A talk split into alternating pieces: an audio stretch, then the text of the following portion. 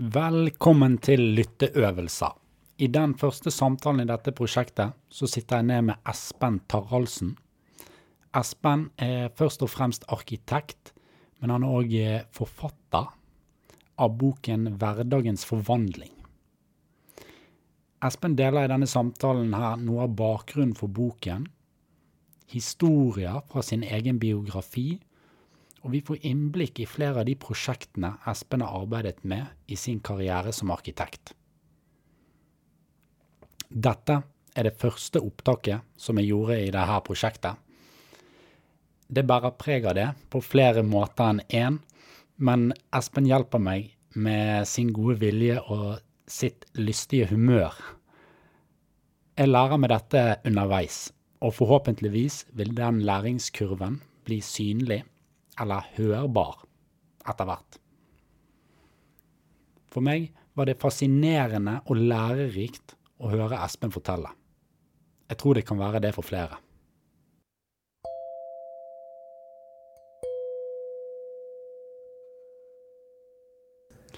Vi er på. Ja, veldig bra. Veldig kjekt at du har tatt deg tid, Espen. Ja. Um, jeg har jo interessert meg lenge for dette med virkeliggjøring av ideer. Hvordan ideene blir virkelighet. Ja. Hvor de kommer fra. Um, og når jeg leste din bok, så er jo den full av uh, denne tematikken.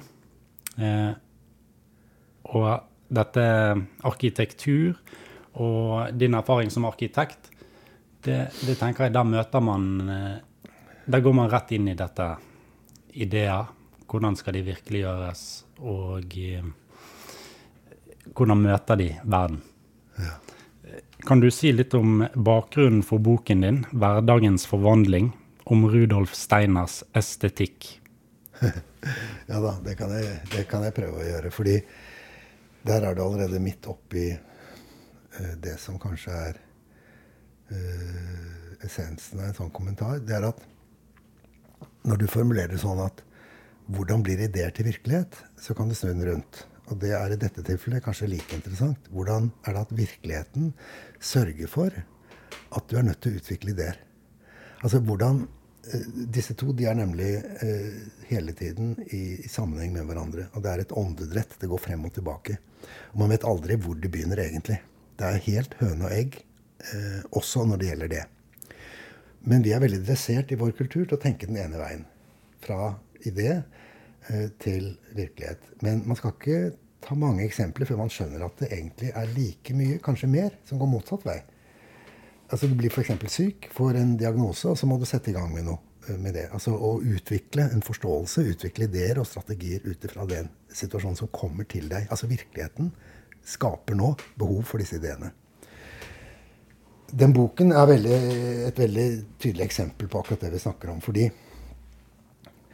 den har sitt opphav tilbake til la oss si 1992 omtrent. 91-92. fordi da hadde jeg holdt på som arkitekt. Og ble eh, på en måte feiret litt ved et par prosjekter som hadde veldig stor respons i Norge og i verden. Altså særlig denne Steinerskolen i Stavanger.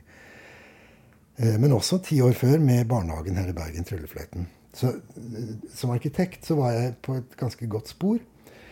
Og ble tilbudt mange nye prosjekter som jeg kunne gjøre. Men det sa jeg nei til.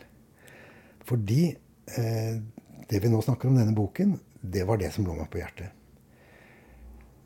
Hva er det hva var spørsmålet jeg hadde, hva er det hos Steiner eh, som man kan formulere, som er kjernen i dette med å være skapende som arkitekt? eller etter hvert kan man også si, skapende som kunstner. Eller egentlig. Og det er jo det jeg kommer til, da. Skapende. Og eh, jeg tror jo selv at arkitektur er et utrolig fint sted å øve dette på. At du da ganske fort kommer til at det er allmenne ting du snakker om, og ikke bare det å bygge hus.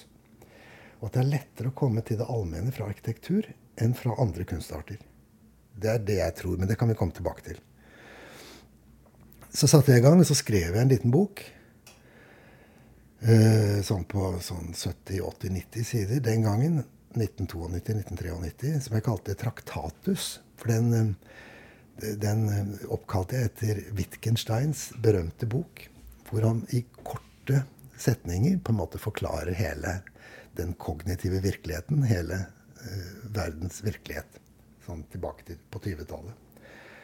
Uh, og jeg leste Wittgenstein på den tiden, og Heidegger, og da var liksom En hyllest til ham var at jeg ville gi boken den tittelen. Fordi jeg ville bare i noen pregnante punkter vise hva dette vesentlige er. Og så skrev jeg det. Og, det til, eh, og, da laget jeg en sånn historisk fremstilling, og jeg laget fremfor alt eh, en eh, forklaring av det grunnleggende i det å skape. Jeg begynner den boken med å si noe sånt som at det å, det å være kunstnerisk aktivt, det er å stå i en situasjon men ta tak i den situasjonen ut fra din egen frihet. Så dette frihetselementet i deg selv og det som er omkring deg, som, som er den situasjonen du er i, møtet mellom de to, det er eh, betingelsene for det å være skapende. Og så begynner jeg, så, så lager jeg da punktvis f.eks. at jeg sier eh, eh, Betingelsene består eh, for en arkitekt i at du har en tid, du har et sted, og du har en virksomhet. Og så kommer det da et helt kapittel om tid, helt kapittel om sted, helt kapittel om virkelighet. Og så, sånn går jeg liksom sånn punktvis veldig systematisk inn i det og lager litt sånn korte, pregnante ting. Uh, og skriver om Schillers estetiske brev. Uh, de som ikke kjenner Schiller, de, de, kan da bare vite at Schiller han snakker om noe lignende. Han snakker også om dette her med at man enten er veldig strukturert eller veldig fantasifull, og det gjelder å finne balansen. Og den balansen den kaller han for leken. Uh, og da så jeg for meg at dette kunne jeg eh, legge på bordet og ha som en sånn god forklaring på hva antroposofisk inspirert arkitektur sto for. Jeg bare manglet i midten av den boken å sette en slags sånn krone på hele resonnementet ved at jeg skulle beskrive kort hvordan Steiner sier det selv. Så begynte jeg å lese Steiner, og så ble det helt vanskelig. Og så blir det 1993, så blir det 1994, og så må jeg begynne å lese mye. F.eks. er det en påstand eller en, en forklaring Steiner har helt tidlig i dette foredraget sitt om Goethe, hvor han snakker om at kunsten må være upåvirket av det som er omkring den. Uh, altså han bruker det, det er jo en interessant fremstilling som man kan si mye mer om, men bare sånn forenklet kan du si det er ideen, den, den, den rene ideen den kan kunstneren fremstille fysisk. Og det er det Goethe sier. At det er den rene ideen som kan uh, fremstilles fysisk, til forskjell fra de som Goethe diskuterer med, nemlig Hegel. Som sier at det er om å gjøre å la den rene ideen vise seg i det fysiske. Og det, det er om å gjøre for Hegel, det er den rene ideen. Mens Goethe han vil da kombinere det. Han vil si også den fysiske virkeligheten hører med til kunstverket. Det er liksom det paradigmatiske skrittet som Goethe kom med. Også den sanselige verden. Eh, og det eh, Det er slike ting som jeg da begynner å se på hos Stein. Hvordan kan da Steiner si at man skal lage kunstverk som er upåvirket av omgivelsene? Fordi som arkitekt så er det nettopp at du er i dialog med omgivelsene som er greien. Og så graver jeg videre, og så begynner jeg å spørre meg selv hva er det Goethe sier. Og så anskaffet jeg meg Goethes samlede verker, og så leser jeg Jeg tar fri seks-syv måneder. Og leser Goethes samlede verker bare med det for øye å finne ut hva det Goethe selv sier om kunst. Og så skrev jeg en hel avhandling som aldri er publisert, som var omtrent like lang som Steiners foredrag, om hva jeg, Espen, mente om Goethes syn på kunst. Og det var absolutt ikke slik Steiner sa. Og jeg fant en masse rare ting som Steiner siterte hos Goethe, som faktisk da utelot Steiner at Goethe sier 'men det fins også noe annet'. Slike ting. Og det, det, likte jeg ikke. Så tenkte jeg er, han er på et prosjekt, Steiner her. Han bruker litt Goethe. Uh, og så leste jeg mye mer. Så leste jeg foredragene hans i disse samleverkene. Og da er det sånn kanskje 10-30 foredrag som er veldig sentrale om kunst. Og det går i forskjellige retninger. Så tenkte jeg ja, altså Hvordan kan du si noe enkelt om dette i denne lille boken min, 'Traktatus'? Det er ikke lett, tenkte jeg. Eh, og årene gikk. Eh, og så tenkte jeg jeg må gripe det helt annerledes an. Og så begynte jeg da på en litt større bok. Og den kalte jeg 'Grønn opera'. Og grønn opera det er da disse to elementene. Fordi det, det jeg i mellomtiden var helt klar over, det var at eh, bærekraft og miljøspørsmålet det er en del av dette vi holder på med. Og så er det kulturen, operaen. Altså eh, det at vi har en, eh, en menneskelig kultur, den må komme i kontakt med dette naturlige på en riktig måte. Og det var det som lå i den tittelen 'Grønn opera'. Og så lager jeg en bok. Og det var et kjempearbeid. Så holdt jeg på med den kanskje fem år. Til 2006-2007.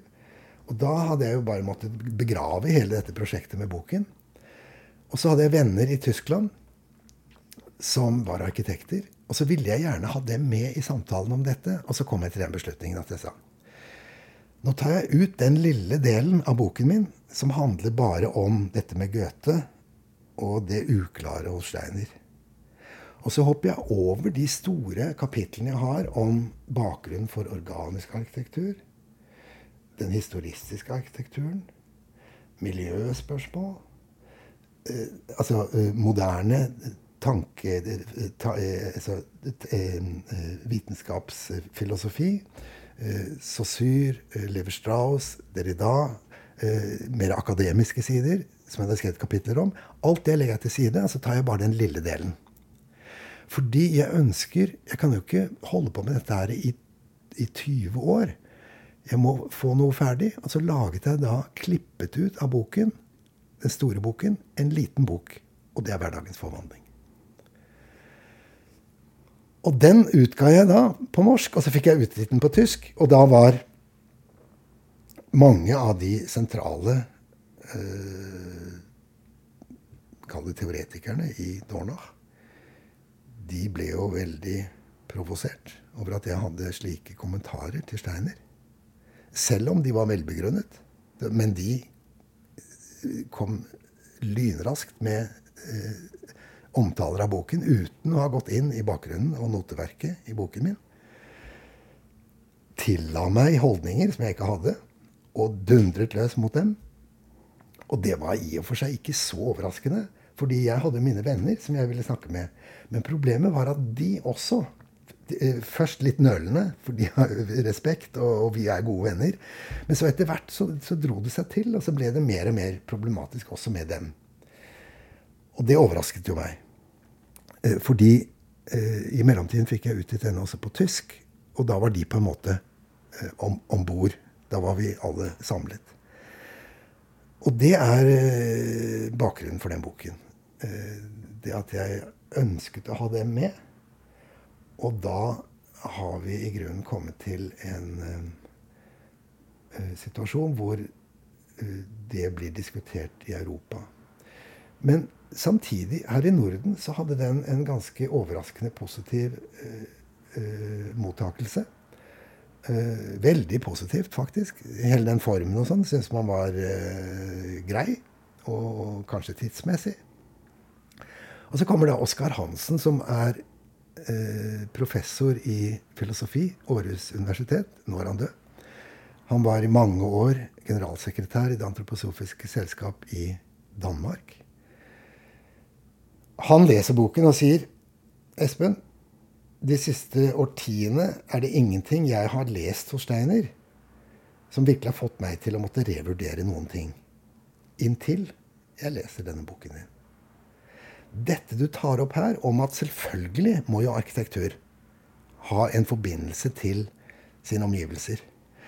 Og at det står i strid med hvordan Steiner beskriver dette i sitt aller første foredrag, det kommer jeg til å måtte jobbe med resten av mitt liv.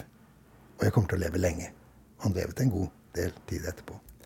Så eh, de som tok dette på alvor, de skjønte problemet. Eh, de som bare feiet lett over det, og gjerne vil at Stein skal fremstå helt korrekt hele tiden, alltid, de reagerte da veldig mot det. Det er litt om boken. Går det an å si litt om hvem Rudolf Steiner var, og du nevnte antroposofien. For, for de som um, er ukjent med, med, Rudolf Steiner og antroposofi, altså, hvem det er. Hvem Steiner er, eh, for den som ikke har noen anelse. Uh, han er jo en uh, kulturpersonlighet. Uh, 1861 til 1925 som lever i denne brytningen fra du kan si, eh, gamle dager og frem til moderne tid, som slår ut i full blomst etter første verdenskrig. I, I, den brytningen så lever han. Og det han er kjent for, er jo at han har grunnlagt antroposofien, som jo snakker om en åndelig verden som om den er en realitet. Eh, det viktige for ham er jo eh, å begrunne dette eh, saklig erkjennelsesmessig. Han kaller det en vitenskapelig tilnærming. Han kaller hele antroposofien i, i andre sammenhenger for åndsvitenskap. Og han er selvfølgelig da en omstridt person, fordi han tar for gitt og beskriver ting som jo er høyst diskutable for mange mennesker. Eh, samtidig så er han grunnleggeren av Steinerskolen, som jo de aller fleste kjenner til. Og eh, han er jo personen bak eh, biologisk dynamisk jordbruk, som er et av de aller første biologiske jordbruksformene eh, som er gjort. Og det grunnla han i 1920-årene eh, fordi han snakket om at i fremtiden så vil ernæringspotensialet i mat, i, i dyrkningen, eh, svekkes. Så man må gjøre noe mot det. Og det er altså 100 år siden. Eh, han var politisk aktiv og ønsket eh, gjennom sin sosiale tregreining å eh, forandre samfunnet.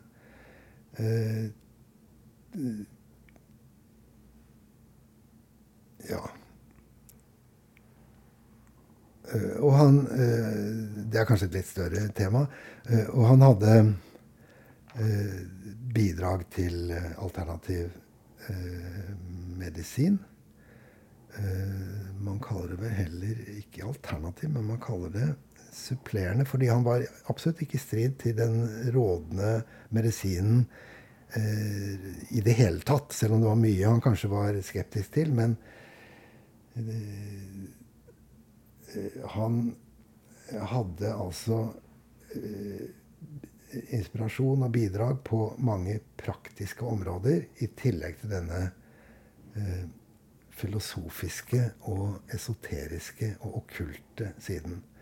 Og Det gjør at mange har vanskelig for å plassere ham. For de vil jo gjerne enten at han er okkult og vanskelig å ha med å gjøre, eh, eller at han er eh, en fantastisk pedagog og et geni og bare bra. Men han er på en måte begge deler, og det er jo for enkelte ikke så lett å forholde seg til.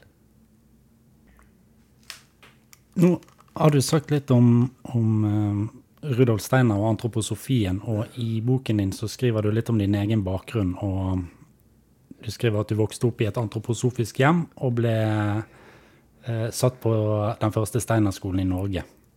Og du beskriver det som en eh, lykkelig tid. Um, men at du gjennom hele ungdommen ikke kunne fordra antroposofi. Du syntes den var sær og full av overtro. Og så beskriver du etter videregående at du drar på en jordomseiling. Og det Sånn som jeg leser det, så høres det ut som det var en opplevelse som gjorde stort inntrykk på deg. Kan du si litt om den perioden, og hvordan du Som du skriver etterpå i boken, når du kommer hjem fra denne jordomseilingen, at du får et nytt møte med antroposofien? Ja, gjerne. Eh, fordi eh, altså Jeg kom fra sånn ganske beskyttet vestkantsmiljø. Og på 50-60-tallet i Norge så var jo også hele kulturen vår veldig beskyttet. Det var en slags vestkantkultur. ikke sant? Visste ingenting om noen ting. Eh, vi bare hadde det fint. Og så eh, gjorde jeg det bra eh, på skolen. Og så hadde jeg en familie med ingeniører gjennom alle ledd tidligere. Min far, min farfar. Var, min farfar var berømt. Han hadde grunnlagt fabrikker og gjort oppfinnelser og lagt inn strøm i Stortinget. Og, altså liksom storveis alt sammen. Og min fetter var den yngste ingeniøren utdannet i Norge. Han ble ingeniør da han var 1, 22 år gammel eller noe sånt, ferdig utdannet. Så det lå i kortene at jeg skulle bli ingeniør og overta min fars bedrift. Alle i min familie var ingeniører, og alle overtok sine fedres bedrifter. Ja, Så var, løpet var kjørt, og jeg tenkte fint. Eh, men så skulle jeg eh, på sesjon, og da hadde jeg noe, et problem med det ene øyet fra, fra, allerede fra eh, fødselen av. Jeg hadde en hjernehinnebetennelse som tilbakesatte utviklingen av det ene øyet. Og det gjorde at jeg fikk ikke en, en, en, en sånn stridende A-plassering i det militære. Og da tenkte jeg, eller han foreslo han sesjonsoffiseren, dropp ut. Dette er uinteressant, for det er jo været her. Du kommer bare på et lager. Så tenkte jeg det er synd, for jeg hadde jo lyst til å være i militæret. Og så hadde jeg akkurat gjort artium, og så tenkte jeg hva gjør jeg nå? Jo, kanskje vi får dra og se på jorden istedenfor. Og så dro jeg med en venn eh, på Bergensfjord. Og så gjorde, reiste vi da jorden rundt som pikkoloer på Bergensfjord, altså cruisebåt, i ett år. Og Afrika rundt, og i Karibien og bla, bla. Og plutselig så åpnet hele verden seg. Og det var jo så ulykkelig og trist de aller fleste steder. I Panama og i Hongkong og i Afrika. Og de hadde jo ingenting. Og de bare sto og tigget. Og det var jo så mye rart. Så var det jo også en del vakre ting. Men som sjømann så kommer du jo bare inn i disse, inn i disse byene på de stedene hvor det er mest grotesk og mest hengete og mest heftig og mm, på mange måter morsomst, men eh, ganske voldsomt. Og mitt inntrykk var at verden var et sted som virkelig ikke hadde det noe særlig bra. Det var det jeg kom hjem med. Jeg var litt sånn sjokket. Og vi drakk masse og spilte poker, og det var liksom full fart hele tiden. Så kom jeg hjem, og så øh, Det var i 66. 67 kom jeg hjem. Og så skulle jeg da dra til en fabrikk i Tyskland som eh, produserte ting som min far importerte til sitt ingeniørbedrift i Norge, som jeg skulle overta. Og så skulle jeg da være på den fabrikken for liksom å gå gradene. Jeg skulle stå på gulvet og lage, produsere sånne ting som vi importerte og, og monterte på NSB-lokomotiver eh, i Norge siden. Så dro jeg dit. Og der var jeg da i to måneder og jobbet i Düsseldorf.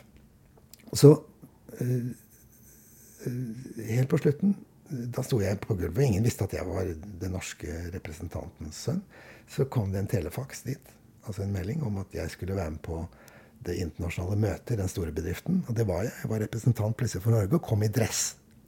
Og da var jeg bare Jeg var jo 19 år gammel, ikke sant. Og så var jeg da plutselig representant og flott. Og så gikk alle på teater. Og så etterpå så var det de skulle ut på byen. Og det var mye rart da i Tyskland. De skulle hit og dit på byen. Og det var liksom tenkte jeg, disse her de er jo voksne. De er jo ikke sjømenn. De er jo ikke pikkoloer. Men de lever jo akkurat som de er sjømenn og pikkoloer. Og er dette den verden jeg vil inn i? Og verden lider.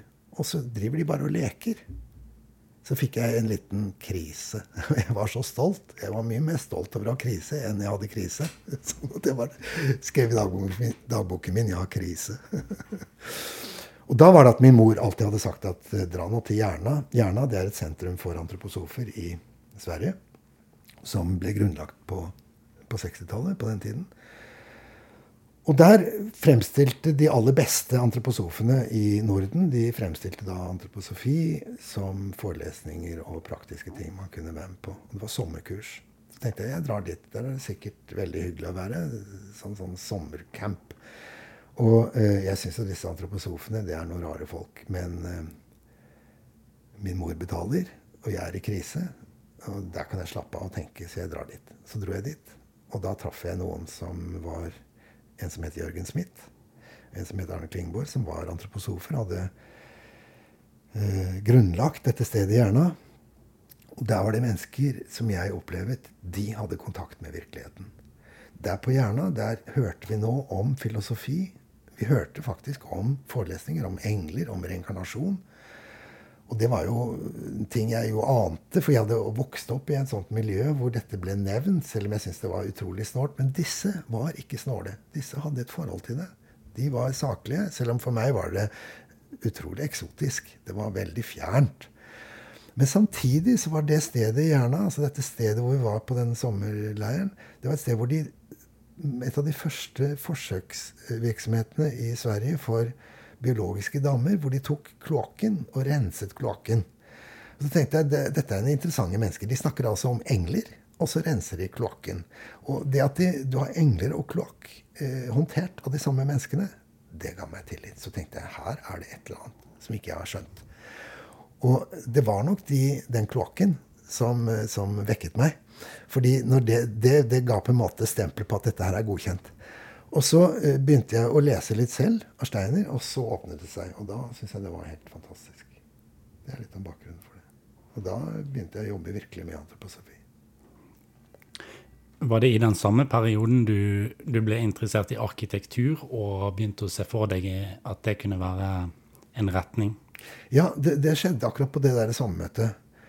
Eh, jeg hadde vært der kanskje to uker, og så dro vi inn til eh, så dro vi inn til Stockholm, og så holdt denne Arne Klingborg som jeg snakket om, han holdt da sånn omvisning, turistomvisning. og Pekte på slott og bygningen og sånn, og bla, bla, om Pepin Lille, hva det heter.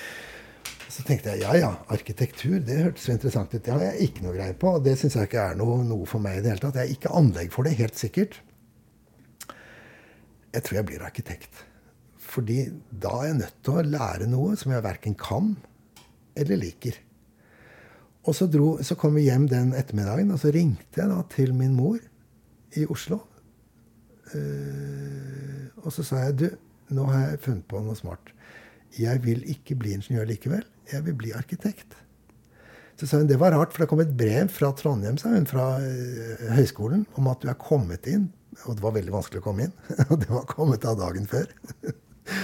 Så den dagen jeg kom inn på NTH, het det den gangen NTNU i dag, som ingeniør eh, Samme dagen, så, eller samme uken, så fant jeg ut at det var ikke noe for meg.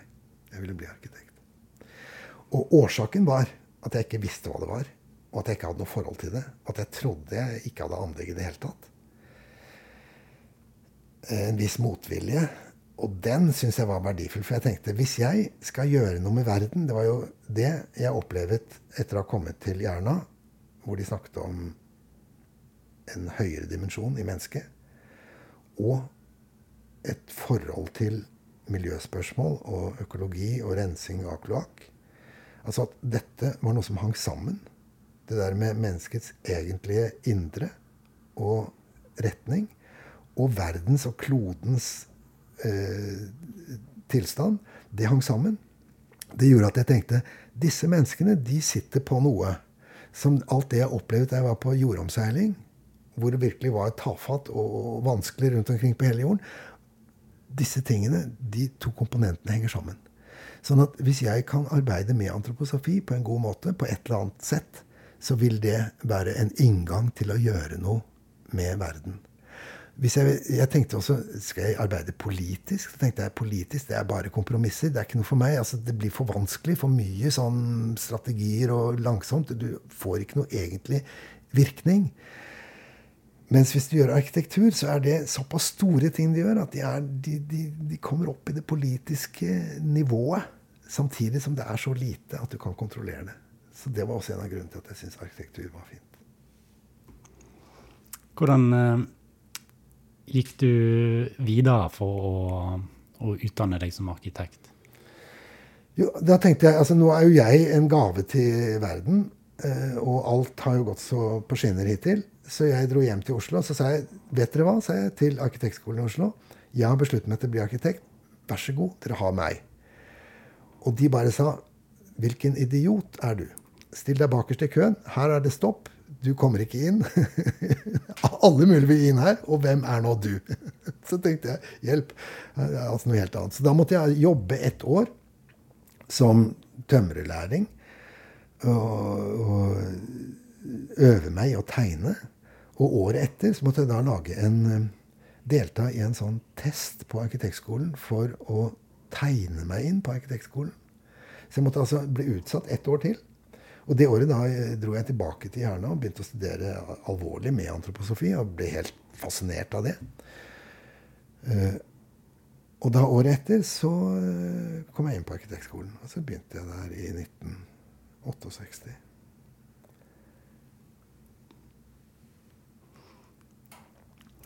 Og ditt, ditt, møte med arkitekturen der på skolen, var det Var du overbevist hele veien om at dette, det var dette du ville? Ja. Det som forundret meg, var jo at jeg ville jo da lære om arkitektur. Og så hadde jeg fått nyss om at det var arkitektur som Steine drev med. Hva var nå det? Og nå var vi veldig tidlig i min biografi, så jeg skjønte det jo ikke helt. Jeg bare så bilder, men jeg kunne ikke helt forbinde meg med dem. Hva er det for noe? Eh, så tenkte jeg da kan jeg spørre de på skolen, men ingen hadde hørt om Steiner. Og han var jo helt ute. Det man holdt på med da, var jo bare Du kan kalle det vitenskapelig arkitektur. Altså det Idealet den gangen var det man kalte optimal form. Og optimal form det besto i at man laget en analyse av en tomt. Og så analyserte man hvordan f.eks. sollyset var på den tomten. Og hvis man bare skulle ta hensyn til den, hvor ville man da legge bygningen? Hvis man bare tok hensyn til vind, hvor ville man da legge bygningen? Hvis man bare skulle ta hensyn til utsikt, hvor ville man da legge bygningen? Og så la man disse oppå hverandre. Og så, altså disse sjiktene. Og de, når man da til slutt hadde alle sjikt, ti sånne sjikt oppå hverandre, så kunne man velge der hvor alle sammen falt sammen. Og det er helt tatt den optimale form. Da, da, hadde man tatt hensyn til alle vitenskapelige ting. Og den som var arkitekt, som skulle på en måte skape eller lage et konsept her, han fantes jo ikke. Her var det bare den uh, ingeniøren som analyserte seg frem til den optimale form. Den type holdning, det var det vi møtte på arkitektskolen. Så den første jeg gjorde, det var at jeg, jeg kavet da for å finne ut hvordan, hvordan kan jeg selv bli min lærer. For jeg hadde jo ikke noen lærere som kunne lære meg noe. Så det jeg drev med da de årene, det var å finne frem til litteratur og arkitekter. Og dro til internasjonale møter sammen med andre arkitekter som holdt på med organisk arkitektur. Og gikk min egen vei. Eh, som jo eh, i og for seg ikke er så vanskelig. Fordi man har jo hele apparatet rundt seg på en arkitektskole. Så det er bare at du da velger andre inspirasjonskilder. Og da var det helt andre folk enn Steiner som jeg kunne få kontakt med. Altså Jeg leser f.eks. en som heter Hugo Hering. Og alle som kan arkitektteori, de kjenner til ham, selv om han ikke er så veldig kjent eh, for moderne mennesker. Men han er jo en teoretiker og også en praktisk arkitekt. Men han bygget ikke noe særlig fine ting. Men tankene hans er fantastiske. For han beskriver da hvordan man skal lage former eh, ut ifra eh, de menneskelige virksomhetene. Og det gjør han da ikke på en ingeniørmåte, men på en poetisk og en vakker og en, en inderlig måte. Og det betok meg veldig. Så allerede året på, nei, andre året på arkitektskolen så skrev jeg en liten avhandling om Hugo Hering. Og det var fordi på arkitektskolen den gangen så, bygget, så, så, tegnet alle bygninger med rette vinkler. Kun rette vinkler. Bare kvadrater og rektangler og rette vinkler. Mens Hugo Hering hadde jo nesten ingen rette vinkler. Så min første lille avhandling i annet år det var 'Hva med den rette vinkel?' Og det skrev jeg. Og det var Hugo Hering. Han var ikke antroposof. Og så leser jeg da Sullivan og Frank Lloyd Wright. Det er sånne for arkitekter. Kjente navn om organisk arkitektur. Og så oppdager jeg da f.eks. Gaudi, som jo de aller fleste har et forhold til. Som også er fantastisk. Og han er ikke antroposof. Og Sullivan er ikke antroposof. Sånn at de jeg hadde som læremestere, eh, de var døde, men altså litteraturen og forbildene fra dem, de var alle sammen, de aller fleste, ikke antroposofer. Men så arbeidet jeg med antroposofi samtidig, og så begynte disse to elementene, da, altså alt det som var forbilder og eh, evner som jeg tilegnet meg gjennom å studere Hering og Gaudi osv., så, videre, så begynte alt dette å smelte sammen med en forståelse ut ifra antroposofien. og det endte da opp i at jeg laget en diplom sammen med Jan Arve Andersen, en god venn av meg, en arkitekt, som vi gikk sammen på arkitektskolen. Hvor vi laget vår første steinerskole. En steinerskole i Trondheim. Og da tenkte vi nå stryker vi, så får vi veldig god karakter. For den var jo uh, helt utenfor alle retningslinjer, og helt utenfor hva som var normen den gangen. Uh, og vi fikk veldig god karakter. Men det, kan, det, kunne vært like gjerne å nesten ha strøket. Uh, fordi det avhang litt av hvem som var sensor. Hva man godtok. Du nevner denne organiske arkitekturen. Er det det, det, høres litt ut som en slags eh, understrøm i, i det mer kommersielle arkitekturlandskapet. At det ikke var helt uh, akseptert på arkitektskolen. Er det, er det, noe nytt som kommer i den uh, perioden, denne organiske arkitekturen? Ja. Altså, den lever som en understrøm der hele tiden. Eh, den har en slags eh, høydepunkt da, rundt eh, sånn 1890 til 1920. Og det er da disse veldig kjente navnene som mange har hørt om, som heter Frank Lloyd Wright og Louis Sullivan. Sullivan dør i 1925. Han skrev en selvbiografi, og er, der er kanskje noe av det aller viktigste formulert omkring moderne organisk tenkning innenfor arkitektur. 1925. Men akkurat på den tiden så slår det da inn en helt annen uh, retning i arkitekturen, og det er den såkalte funksjonalismen, eller internasjonal stil, som er helt vitenskapeliggjort, og som endte opp i dette med den optimale form, som jeg nevnte. Så det, det overskygger helt Sullivans tanke. Selv om det er, det er en bitte liten ting fra hans uh, univers som uh, lever videre, og det er denne setningen at formen følger funksjonen. Form follows function. Det kommer fra Sullivan. Eh, men det er eh, ofte misforstått, og det er, en, det er en verden i seg selv. Eh, men hvis du går inn i den verden, så er jo tankegangen at du skal ikke lage former fordi du skal symbolisere noe, eller du vil illustrere noe, eller øh, lage noe som har uh, en dekorativ effekt. Altså Det skulle ikke være noe ytre som de bare klistrer på.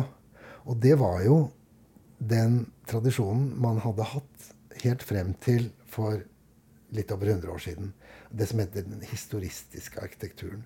Det som vi i Oslo i dag har i f.eks. Eh, eh, universitetsbygningen og Nationaltheatret de er jo ganske kjente, Slottet også. Og det er jo historistiske bygninger som har assosiasjoner tilbake i historien, fordi man ønsket å, å, å lage en slags uh,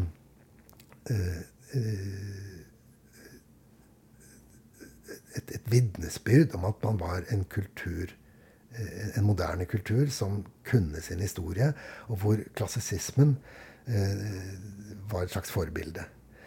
Men hele det organiske det går da i motsatt retning. Det sier det er ikke det at du setter inn bilder på utsiden av bygningen, men du skal ta utgangspunkt i det som er hendelsen eller virksomheten. Og denne virksomheten, den danner da de formene som virksomheten vil ha rundt seg, slik som du også har i uh, det organiske livet, hvor alle organer i mennesket jo dannes ut fra funksjoner som er i virksomhet, og så former organet seg rundt disse virksomhetene. Og på samme måten så vil man at, eller ser man for seg at bygninger må kunne håndteres av en arkitekt. Slik at du ser for deg et liv i en bygning, og at dette livet danner de formene som det livet ønsker, og som er optimale for å understøtte det livet omkring seg. Og dette er det uh, Hugo Hering eh, er så fantastisk i å beskrive når han snakker om dette som han kaller de Leistungserfüllungsform, som egentlig er en, et ord som sier ytelsesoppfyllelsesformen. Altså du skal ha en ytelse, og så danner formen seg rundt denne ytelsen. Steiner har et eksempel selv. Han snakker om nøtten og nøtteskallet. At uh, like naturlig som nøtteskallet jo er egentlig bare noe som er en fortsettelse av nøtten, og som henger nøye sammen med nøttens vesen, slik skal også bygninger være en fortsettelse av det som er det egentlig indre livet i bygningen, og en, en fortsettelse av det. Eh, altså en, en, en formgivning av det. Så det er det organiske prinsippet. En virksomhet fører til en form. Var, var dette ideer og prinsipper som dere arbeidet med allerede i det prosjektet med den, eh, den skoleoppgaven med Steinerskolen i Trondheim? Ja. Eh, det var viktig. Og der Der var det slik at vi kombinerte denne tenkningen med det som var datidens eh, motetenkning, denne, denne, optimale formen. Slik at eh, ikke, bare kjøre, ikke, ikke, bare for å være safe, men fordi det faktisk var Det er noe i den optimale form også. Det at du tar hensyn til eh, en, en eh, organisert og vitenskapelig tilnærming til tomten og omgivelsene, det er i seg selv helt i orden. Sånn at vi undersøkte da solforhold og vegetasjon og vindforhold og utsikt. Alt det laget vi sånne diagrammer av. Og da visste vi samtidig, da vi laget denne skolen i Trondheim, at vi eh, leverte noe som eh, lærerne våre ville godta. For dette var jo liksom den måten de tenkte på. Men vi syntes også det var smart. Det var ikke noe galt i det. Og så kommer da det at vi samtidig har en idé om hva er det indre livet på en skole, og hvordan kan det være. Det er jo i og for seg også noe som har en analytisk side. Man kan ha et romprogram. Sånn at det er også en, en vitenskapelig organiseringsting. Det å se, snakke om hva er det indre liv. Men hvis du flytter det videre, hva er liksom ideen med en skole? Hva hva er mitt kunstneriske tilnærming i, i dette prosjektet? Så kan du si du kommer inn i noe annet. Da er du mer i det som er en, en ren skapende uh, side fra en arkitekt. At du har et konsept, du har en idé. Uh, du, du, du, ønsker uh, å se for deg noe som er passer i denne situasjonen, og som du er inspirert til å gjøre. Og så er det at denne ideen den er ikke nødvendigvis slik at den passer sammen med disse analytiske elementene som du har i starten. Altså disse, disse aspektanalysene, de lever sitt liv. Og så har du en idé, et konsept, du lager en skisse. Noe sånt noe. Og den kan i utgangspunktet være ganske annerledes enn de eh, konsept... De, de eh, enkelte analysene som du har laget. Og det som var det vi fikk belønning for da vi gjorde den diplomen, det var hvordan vi hadde arbeidet med dette helt tydelig at her er vår kunstneriske idé, og her er den analytiske fremgangsmåten. Og så gjennom et halvt år så fører vi disse skrittvis, langsomt, i en dialog med hverandre, slik at de etter hvert blir mer og mer forenet. Og at det analytiske materialet, det, det, det, det lever inn hele tiden. Men da må vi gjøre noen kompromisser. Vi må liksom velge ut noe som er viktig, og noe annet kan vi si, det går det an å kompromisse på. Og hovedideen den må skjerpes. Den må også tilpasse seg. Og så etter hvert så smelter disse sammen. Og når du da er, når du er fornøyd til slutt, så har du fått ideen din. Og disse eksisterende, irriterende ofte, og vanskelige forutsetningene til å bli forenet. Og det var det som var grepet vårt da vi laget denne. Og det var det vi fikk berømmelse for. Da vi jo ikke strøk, men sto. Fordi vi ikke bare hadde kommet opp med en eller annen organisk greie, men at vi også tok på alvor den analytiske siden. Og lot disse to møtes. Og det er jo grunnlaget også for det siden skriver i Hverdagens forvandling. Det er jo disse to sidene som møtes. Ja, for er vi da inne i dette som, som du skriver om med den, det indre og det ytre? hvordan eh, ideene skal eh, møte den ytre, ytre verden og tilpasses til den, ikke, ikke, bare fremstå i sin ideelle form, som du, som du nevnte tidligere at ja, ja. har vært en idé. Ja. Og, og det, her, det, var dette som var mitt, min utfordring da, med den aller første beskrivelsen hos Steiner. For han snakker om, om den upåvirkede ideen. Eh, mens det jeg beskriver, er jo den påvirkede ideen. Og eh, jeg mener at dette er også Steiner. For siden så sier han jo eh, om sitt annet gutianum at det nettopp er påvirket av omgivelsene. Eh, men det er jo enkelte som da eh, gjerne vil eh, forbli i disse helt opprinnelige tekstene til Steiner og la det være upåvirket. Eh, men eh, hvis vi ikke går inn på det nå, men bare sier at ja Det det kommer an på, er jo nettopp hvordan eh, Hvordan det som er din idé kan, Det har mange navn. Du kan kalle det din intensjon. Altså det du vil. Det, det, det som er din drøm. ikke sant? Gi det alle de navn du vil. Altså, hvordan det ikke bare er noe du kjører på med, og, og lager krig med Ukraina med. altså et eller annet sånt, Men eh, noe du, noe du, har, og du i og for seg kan dyrke og gjøre bare større og mer eh, fantastisk etter hvert, men at du så begynner å bli interessert i den situasjonen du er i. Den tiden du lever i. Den omgivelsen du er i. De menneskene du er sammen med. Det samfunnet du bor i. Og så la det, det bli like interessant. Din interesse for samfunnet tiden, omgivelsene, medmenneskene. Og så merke at disse jo ikke uten videre passer sammen. Du trenger f.eks. noe økonomi for å få virkeliggjort din idé. Jeg har ikke pengene. ikke sant? Hvordan kan du jeg, jeg har lyst til å bygge noe der, men naboene liker det ikke. Er det et problem med å snakke med naboene? Må jeg forandre det? Eller hva gjør vi? Eller er det de som bare er sære, som ikke har skjønt ideen? Altså, Du må gå inn, du må interessere deg for det og jobbe med det. Og i de gode tilfellene så er det slik at dette lar seg løse. Og i de gode tilfellene, jeg har jo opplevd noen sånne som arkitekt, da er det det at de kommer sammen. Og da er det sånn at alltid din idé er modifisert av virkeligheten.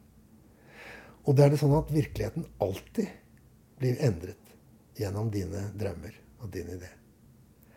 Og det er jo det jeg kaller kommunion der er vi kommet til det som jeg vil si er det religiøse element. For da er liksom den åndeligheten ikke nå en konfesjonell religiøs åndelighet i form av en eller annen sånn ytre tekst, men den åndeligheten som er din egentlighet, kall det sånn, at den møter nå noe eh, En virkelighet.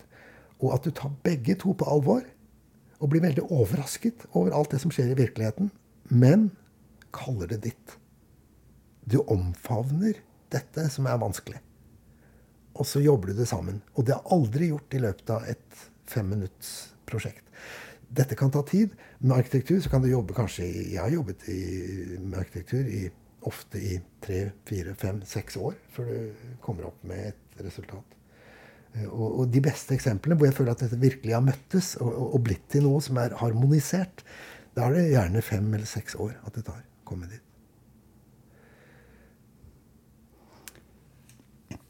Det, det, får meg til å tenke på, på noe som du, du, skriver i boken om de ulike kunstformene, og hvor arkitekturene er plassert i det. Um, for en del kunstformer kan man kanskje si at det er lett å, eller lettere å uh, unngå den, det møtet med det ytre. En uh, maler eller en poet kan ganske lett uh, fullføre sitt kunstverk uten eh, påvirkning, kan man si, eller i hvert fall uten eh, innspill utenifra. Men som arkitekt så ser jeg for meg at man ganske fort møter ulike eh, Kan man kalle det hindringer eller utfordringer som, som påvirker hvordan ideen vil se ut. Mm. Hvordan hvordan er det å jobbe som skal man si, arkitekt, eller hvis man skal si kunstner, der, der, du, der du, ikke får ut eh, det, det kan jo ikke bare være enkelt heller, og, og, man må jo kunne gi slipp litt på den um, ideen man har, dette huset, denne bygningen, hvordan det skal se ut, og så kommer det om det er en kollega eller en kunde. Uh, den dialogen som oppstår der, kan du si litt om, om hvordan du du har arbeidet med den? Ja, altså, jeg opplever at det du snakker om, er jo eh, det er jo på en måte det mest sentrale eh, man, man står overfor. Fordi det handler egentlig om eh, Ethvert prosjekt er et lite bilde av det som livet er et stort bilde av. Ethvert prosjekt har en idé og sine begrensninger og muligheter. Og hele biografien din har jo på en måte også en idé. Den har også en sånn ordre. Kjerkegård kaller det den forseglede ordre. Eh, hva er det? Det er jo også en drøm, en idé, som bare ligger der eh, til å begynne med skjult. Eh, og så, sånn som jeg ser det, så er det jo om å gjøre å, eh, å få åpnet eh, denne ordren. at man får den ut. Og et, det å være et lykkelig menneske er jo i mine øyne at du kommer i kontakt med det som er din drøm, din visjon. Uh, og det er ikke noe abstrakt. Jeg har jo en, et forhold til uh, begrepene reinkarnasjon og karma. sånn jeg, jeg, opplever jo at dette, i begrepet karma, for de som ikke kjenner til det, så er det, det er ikke noe med at du styres av livet. Og at skjebnen på en måte kommer og bare sier at nå er det det som skal skje med deg, og så må du bare følge det. Nei. hele ideen i antroposofien omkring karma er jo nettopp at det er den ene siden. Og så er det din frihet som er den andre siden. Din evne til å håndtere situasjonene du er i. Eh, og dette møtet som du da har i stort i ditt liv, at du er i situasjoner, og så skal du gjennomføre din, dine intensjoner, ditt liv, din drøm, det finner du i ethvert prosjekt eh, som arkitekt. Eh, det kan være et lite prosjekt, og da har du en idé. Og så eh, har du en analyse av situasjonen, og så får du kanskje litt bråk med naboer og oppdragsgiver.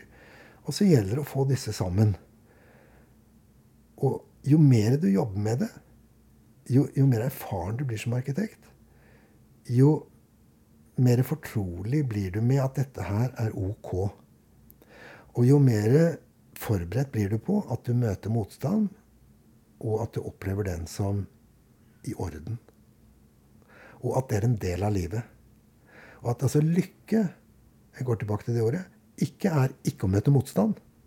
Men lykke er heller å kunne skjønne at denne motstanden, der den er rasjonell, eh, at den er en del av prosjektet, eller i det store bildet av ditt liv.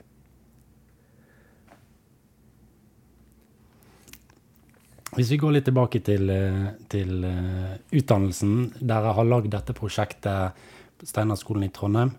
Uh, var det noe som kom som en Var det bare en gyllen anledning til å, å, å, leke og utfolde seg, eller var det Var det et prosjekt som Skal man si som, Var det noe som man jobbet med, å få bygd en skole der, eller var det helt teoretisk eller hypotetisk? Ja, det var hypotetisk. Altså, de hadde ikke noe De hadde ikke noen eh, reelle planer om å bygge eller økonomi til det akkurat da. Men det var også realistisk i den forstand at eh, hele min begrunnelse for å begynne på arkitektskolen var jo antroposofi.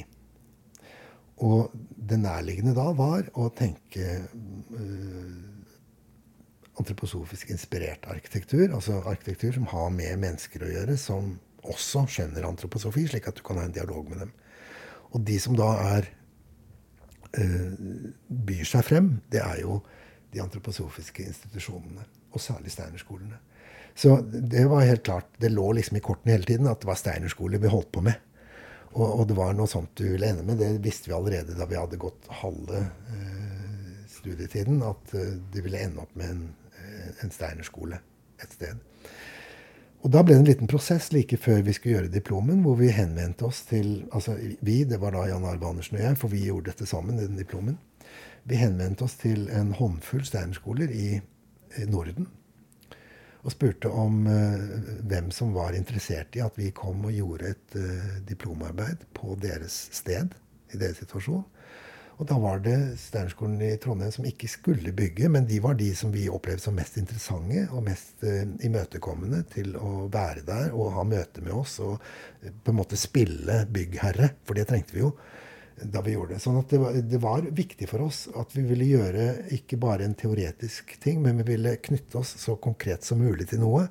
Men det lyktes oss ikke å gjøre et eh, helt konkret prosjekt. Og kanskje var det like greit. Når du er diplomstudent, så er du ikke helt klar til å bygge en, en 5000 kvadratmeter stor skole. Men hvordan eh, gikk, eh, gikk veien videre fra diplomoppgave, og du, du, sa det var allerede klart for deg at det var Steinerskolene var en arena for, for å, å, utfolde arkitekturen. Um, kan du si litt om, om, veien videre? Ja, altså Det var jo veldig interessant, fordi da Mens vi altså Før vi hadde gjort ferdig diplomen, så fikk vi vårt første oppdrag på, eh, på Vidaråsen, som er et uh, hjem for uh, uh, psykisk handikappede. og i Vestfold. Om å lage et familiehus. fordi det er jo sånn det er organisert der, at de har sånne beboere som bor i et hus med en liten familie, som er et sånt tyngdepunkt. og ser til at dette livet kan være eh, organisert ordentlig. Så vi skulle bygge et sånt kollektivhus på Vidaråsen, og det gjorde vi. Eh, samtidig som vi eh, gjorde diplomen, eller umiddelbart etterpå, så startet vi å, å lage skisser til det. Men da kom vi opp i en sånn merkelig situasjon at en tysk arkitekt som mente at Steiner-arkitektur skulle se ut på en bestemt måte og ikke skulle være påvirket av norske forhold, da har du dette med påvirkning igjen. Altså, han hadde en slags universell oppfatning av hvordan dette skulle se ut. Det er én måte, og du gjør det ikke på noen annen måte. Og det sa han. Han var erfaren og gammel og veldig sånn Alle hadde respekt for ham. Han var kjent. Uh, og han sa det da til lederne på denne institusjonen. Og de ble jo med en gang veldig urolige for hva disse norske unge arkitektene hadde funnet på. Så de spurte han hva gjør vi da? Så sa han det er ikke noe problem. sa han. Dette kan, vi, dette kan jeg rette opp. Og det var da noen fasader og noen vinduer som han mente var helt feil formet i forhold til den antroposofiske norm. Så han rettet det, og det så da ut som en sånn litt tysk eh, arkitektur, for han var fra Tyskland. Eh, og det gjorde jo at vi kom jo litt i konflikt med denne byggherren. Og de ble jo veldig sure på oss. Og det ene tok det andre. Og så hadde vi i mellomtiden fått et annet prosjekt i nærheten til å lage en hel skole i, på Nøtterøy i Tønsberg. Eh, men disse kjente hverandre, altså ledelsen på den institusjonen og de på den skolen. Så da var det plutselig at vi ikke lenger skulle tegne skole i Tønsberg. Så nå ble vi ekskludert. Eh, og det er jo et sånt litt moderne Eh, begrep, cancelling, som vi har i dag, altså det fungerer jo da ganske kraftig innen disse kretsene der de, der de ikke er så gode. Så fins det steder hvor de er veldig åpne og veldig innovative og interessante. Men akkurat her var det da det lukket seg. Og i vår, i vår karriere så var jo det selvfølgelig en, eh, en krise. Fordi nå hadde vi plutselig ingenting å gjøre. Og vi var blitt cancelled Eh, kansellert.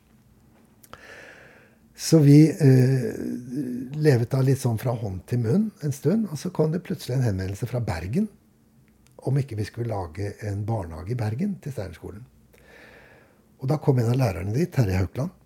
Han kom da over fra Bergen til Oslo, og jeg hadde møte med han. Så sa jeg til ham Men jeg må advare deg, sa jeg. Uh, advare meg, sa han. Ja, jeg må advare deg. Fordi du må vite at du har kanskje ikke hørt det, men du må vite at uh, vi har laget et hus for denne institusjonen. Og den, uh, det førte til at arkitekten mente at dette var helt uantroposofisk, det vi hadde laget. Og det, vi arbeider jo på den måten. Så det, hvis vi kommer til dere og lager barnehage, barnehage, så kan det jo skje noe lignende. Så du må være advart. Kanskje ikke dere egentlig vil spørre oss. Og så lo han veldig, så sa han det der har jeg hørt om, sa han. Det er jo derfor vi gjerne vil spørre dere om å få komme til Bergen.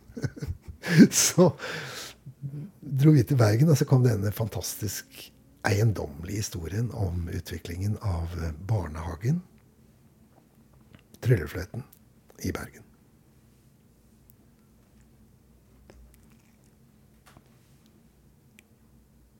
Ja, den eh, barnehagen Jeg har jo eh, selv eh, sett den og besøkt den flere ganger.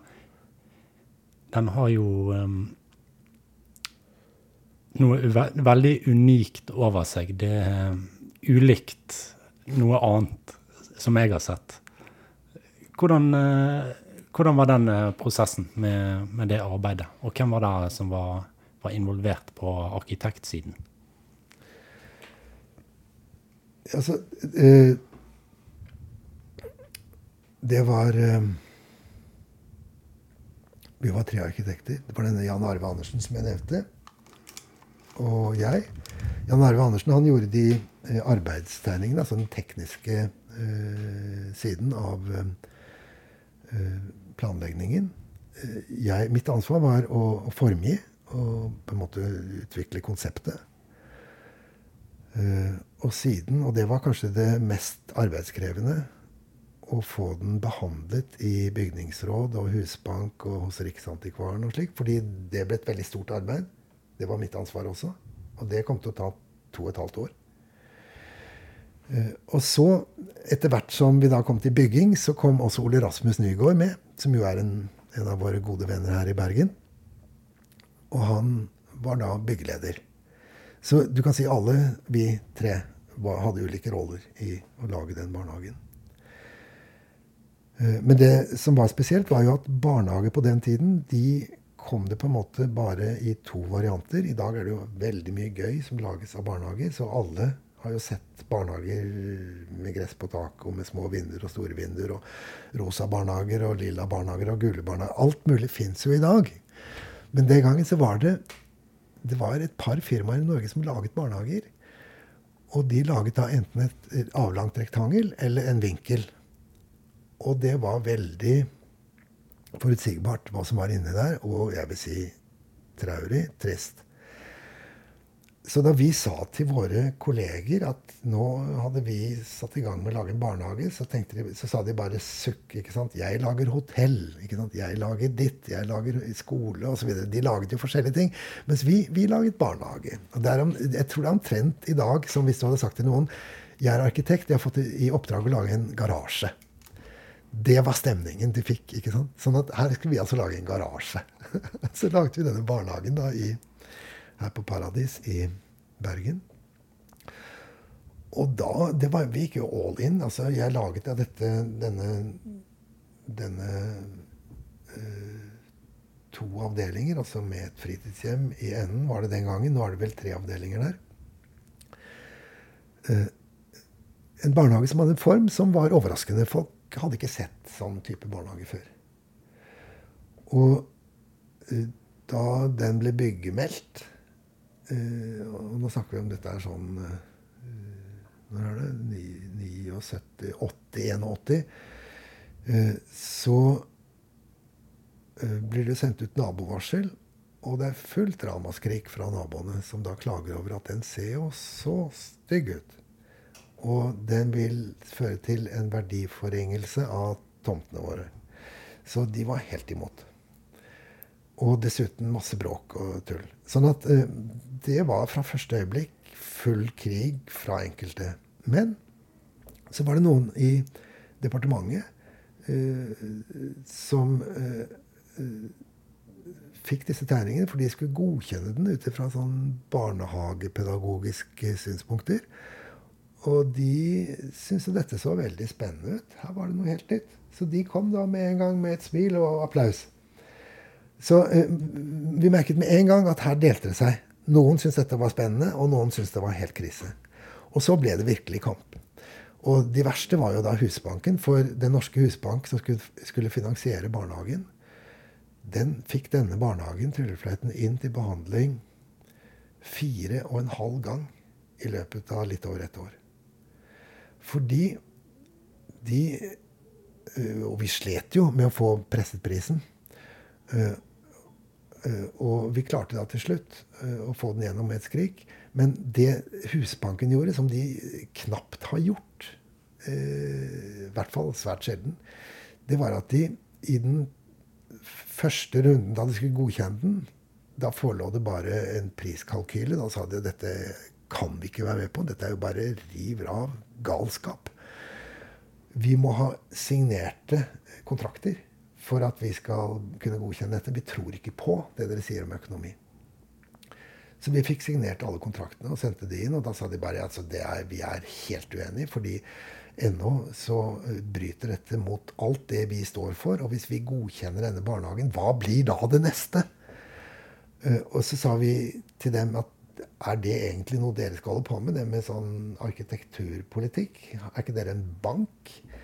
Og da måtte vi altså løfte hele prosjektet fra her fra Vestlandet, hvor den da hadde fått avslag to ganger, til uh, Han het direktør Wist i Oslo. Så vi måtte få den sentralt behandlet.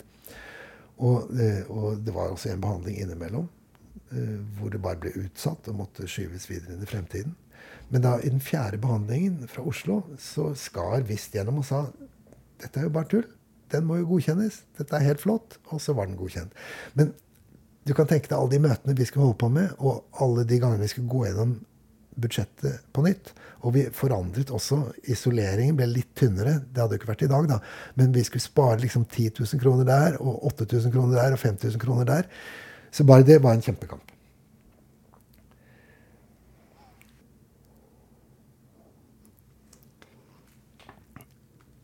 Jeg hadde lyst til å lese noe fra boken. Ok. Det er Det står på under et avsnitt med overskriften 'Arven etter Steinar'. Ja. Da Charlotte også var kommet inn i rommet, kunne hun høre lyden av rennende vann. Hun stoppet et øyeblikk og lyttet, og snuste. Det luktet oljet tre. Ellers var rommet fylt med fargelagte plansjer og svære modeller av hus. Overalt var det dører som ledet videre, og mange av veggene var så transparente at hun ante rommene som lå bakom, og til og med at det var rom bakom dem igjen. For en Soria Moria-verden, tenkte hun fascinert, og gikk mot fontenen midt i hallen stakk hånden ned i vannet og så på mens det beveget seg rytmisk frem og tilbake. Det plasket stille, videre fra den ene modellerte skålen til den neste, før det til slutt rant sammen i en dam, så dyp at da hun tittet ned i den, så hun ikke bunnen. Hm, disse luktene og disse lydene, mumlet hun, halvt henvendt til Hjalmar. Jeg må innrømme at jeg er overrasket.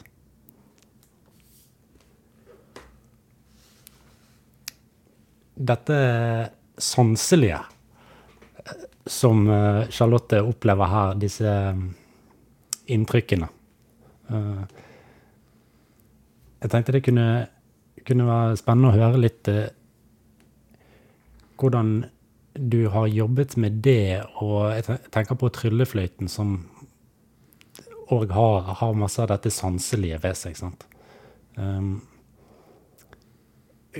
Hvordan tenker man eh, hvordan tenker man på det når man er arkitekt, og hvordan får man det inn, i, inn som en del av det man arbeider med?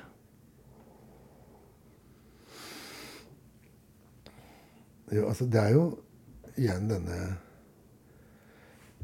uh, dualiteten da, mellom den sanselige verden og idéverden. Og for 100 år siden så var det jo veldig sterk fokus omkring det man kalte ånd og materie. Jeg tror i dag så det, ser det helt annerledes ut. Jeg tror, jeg tror man, man syns at det er noe sånn veldig fascinerende problemstilling. Jeg tror de flyter mer over i hverandre, og man ser det annerledes. Men en av de viktigste endringene er at jeg tror at uh, forståelsen for det sanselige er kanskje mer utfordret i dag eh, enn den gang. Og at eh, i mine øyne så er kanskje den, den sanselige verden, mysteriet omkring den, eh, er et hvor det antroposofiske prosjekt kan bidra til å åpne opp for å forstå det, for å forstå den.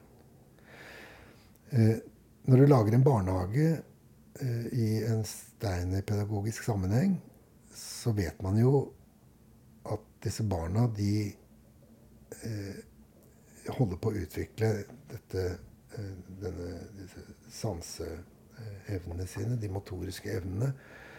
Eh, og at eh, det som er forutsetningene for at de kan gjøre sine riktige utviklingstrinn, er at de nettopp får være i denne sanseverden. De er på en måte et eneste stort sanseorgan frem til de er fem-seks år gamle. Og eh, det som er så fantastisk, det er jo da å se hvordan Steiner barnehager jo har all denne sølen og alt dette materiellet og materialene og luktene eh, i forgrunnen. Kvaliteten på eh, stoff, og fargebruk og lysbruk. Og hvis du går til eh, eh, moderne barnehager, som du da kan finne på nettet, veldig mange av, så finner du barnehager hvor barna blir presentert for svære glassruter. De blir presentert for speil. De har eh, ute eh, ofte asfalt. Eh, det er eh, eh, akkurat nå en stor debatt omkring disse gummibeleggene som man har i eh, uteområdet i barnehager, fordi det hindrer Altså, asfalt eh, er jo kanskje ikke noe typisk for barnehager, som jeg nevnte i stad. Det, det er disse gummibeleggene som man har der fordi man skal forhindre at barna skader seg når de faller. Men det legger jo et sånn hinne mellom barna og naturen som selv mennesker som ikke er opptatt med antroposofi, i dag diskuterer. Og snakker om hvordan kan man vinne tilbake eh, naturen. Barna er sansemennesker. Og antroposofien, som sånn som har denne siden med ånd og engler og hierarkier, den den eh, feirer jo denne delen av biografien til barna ved at man kan lage en sånn sanseverden ut av det.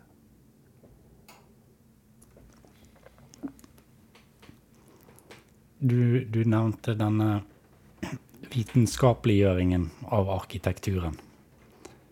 Um, og jeg, jeg har um, skrevet ned et sitat som du hadde i et foredrag nylig, fra Hannes Maier.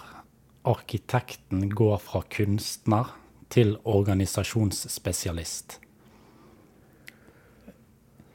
Dette Kan du si litt om denne tendensen i, i arkitekturen? Og hva, hva, ligger det i det? Organisasjonsspesialist?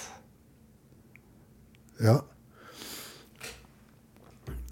Det er igjen den optimale form, da, som uh, han ser for seg. Og tankegangen er uh, at uh, man inntil da hadde sett eksempler på at uh, arkitekten oppfattet seg som kunstner med stor K. Uh, du hadde denne tiden med jugendarkitektur.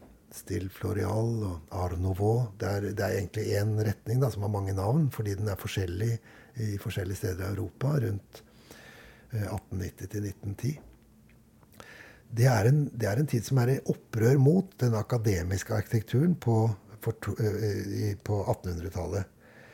Hvor man laget sånn som Universitetet i Oslo og Nationaltheatret. Disse bildene. Og, og, så kommer det opp dette at man blir inspirert av naturen, av naturen og lager eh, former eh, som kunstner ut av naturen. Og de blir jo veldig berømte, og vi syns de er fantastiske. Eh, det er litt det Eh, Hannes Maier vender seg imot når han snakker om at uh, man var kunstner. Man skal nå bli organisasjonsspesialist fordi den type kunst som denne Art Nouveau Jugend representerte, hadde noe eksklusivt ved seg. Uh, man måtte være ganske rik. Det var de rikere som kunne koste på seg det. Og det var samtidig en tendens til at det var en konflikt med det industrielle. At det var håndverket som satt i hovedsetet. Og at liksom den individuelle kunstneren med den rike oppdragsgiveren og håndverkere som laget sånne bygninger Nå vil man ha det masseprodusert. Og så vil man ha det vitenskapeliggjort. Og så var årsaken til det at man ville bygge arkitektur for alle mennesker, og ikke for noen få rike utvalgte. Det er en av grunnene til at han sier nå må vi ha denne vitenskapeliggjøringen, som, han, som da fører til at han kaller det at det er organisasjonsspesialister, altså teknikere, som driver og lager den arkitekturen.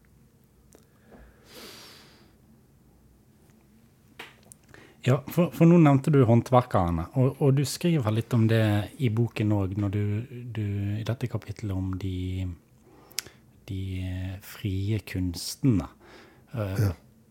Og det, det tenker jeg er, er, veldig aktuelt i dag òg. Eh, at hvilke, hvilke roller har håndverkerne i det hele? Det har, det har jo vært en sånn uh, diskusjon om uh, Vigelandsparken. Om, om, disse steinarbeiderne som sto og hogde ut disse arbeidene etter, an, etter um, angi, liksom, tegninger ja. Eh, fra Vigeland. Eh, om de har fått, eh, fått sin, sin, Om de har fått nok ære, om de har fått nok anerkjennelse for det, det arbeidet de gjorde. Men kan du si litt om, om disse frie og ufrie kunstene og arkitekturens plass? Altså, frie og ufrie kunster er ett tema. Eh, arkitekturens plass i eh, paletten av kunstarter er kanskje et annet. Men jeg begynner med det med arkitekturen. Altså det Den, den gjengse oppfatningen om eh, kunstartene som man hadde for 100 år siden, eh, det var jo at man hadde disse fem eh, kunstene. Man hadde arkitektur, skulptur, maleri, eh, musikk og poesi. Og dette er, dette er, den tyske idealismen. Det er Hegels fem kunstarter. Så begynner jo allerede Steiner, da. Det er fra 1820 til 19, 1830 at Hegel utvikler forestillingen om disse fem kunstartene. Og de lever jo da eh, hos dante uh, Hos dannede mennesker i Europa 100 år etterpå, når Steiner holder på. Så han henviser jo og bruker dette som referanse. Men han innfører da noen nye kunster. Han snakker om eurytmi. Uh, han snakker om en litt annen måte. en sosial kunst, antyder han.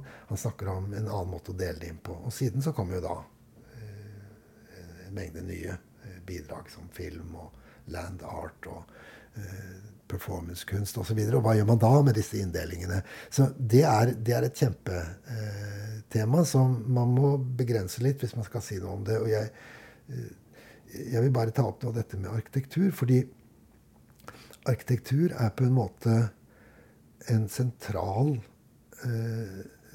spiller i denne opprinnelige oppfatningen til Hegel, hvor han også beskriver da arkitekturen som den mest opprinnelige av alle kunstene.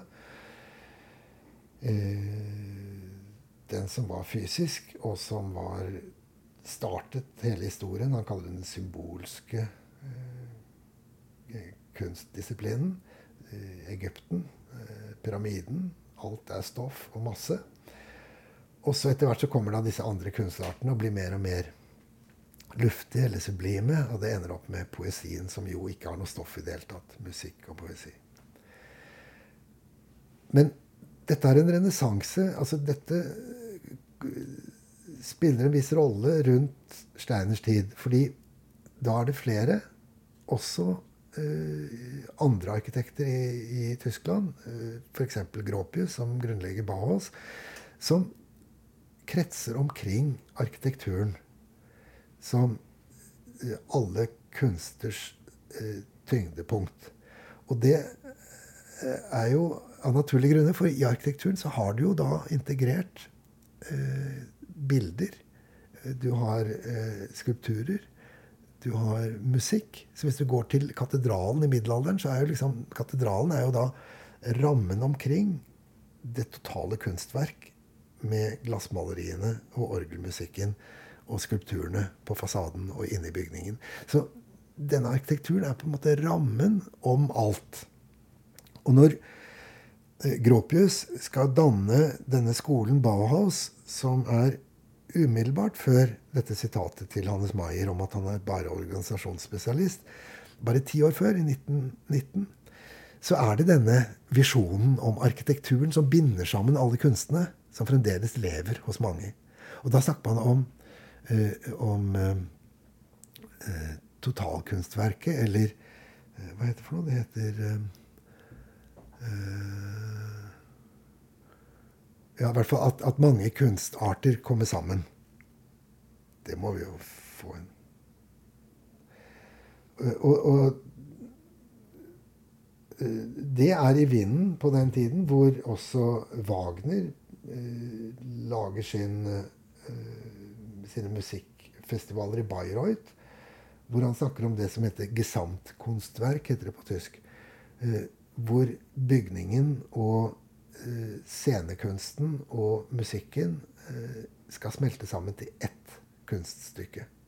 Og det er visjonen. Sånn at i, i, i manifestet til Bauhaus i 1919, som da er 30-40 år etter Wagner, så heter det hos Gropius, som grunnlegger skolen, at la oss ta ned veggene mellom disse forskjellige kunstartene og la det bli til én kunstart. Og da er det arkitekturen som er rammen. Og så skal de andre på en måte føye seg inn i det. Og så skal man strekke seg mot himmelen og i gudbenådede øyeblikk, som man sier, eh, løfte denne kulturytringen opp eh, og gjøre det til et, en krone av menneskelig eh, skaper, skapel, skapelse. Eh, men det forsvinner jo helt. Når det nå kommer videre inn i Bauhaus, så deles det igjen opp, og så blir det til forskjellige fag. Men den visjonen den står sterkt hos Steiner. For hos Steiner så er eh, også Gutianum, det første Gutianum er på en måte et gesamtkunstverk som er rammefortellingen omkring disse maleriene og skulpturene som er i den, og de fargete glassvinduene. Så ideen om at arkitektur ikke er noe annet men at i grunnen alle disse kunstene inngår i én, et kunstverk. Den ligger der. Og så kommer da den egentlig moderne tanken. Det er at man kan egentlig si at det er eh, en, en, en eh, arkitekturkunst i det ytre med skulptur og det billedmessige. Og så har du en indre poetisk og musikalsk kunst som lever inni deg. Og at disse to er på en måte de to uh, hovedpalettene av kunst som vi har i moderne tid. Og at de, det å sette opp disse grensene mellom dem uh, egentlig er fremmed. Og Steiner er inne på det et foredrag som er berømt, fra 1921, som man kaller uh, kunstens psykologi, hvor han da deler alle kunstarter inn i disse to hovedkunstene. Og da arkitektur på den ene siden og poesimusikk på den andre siden.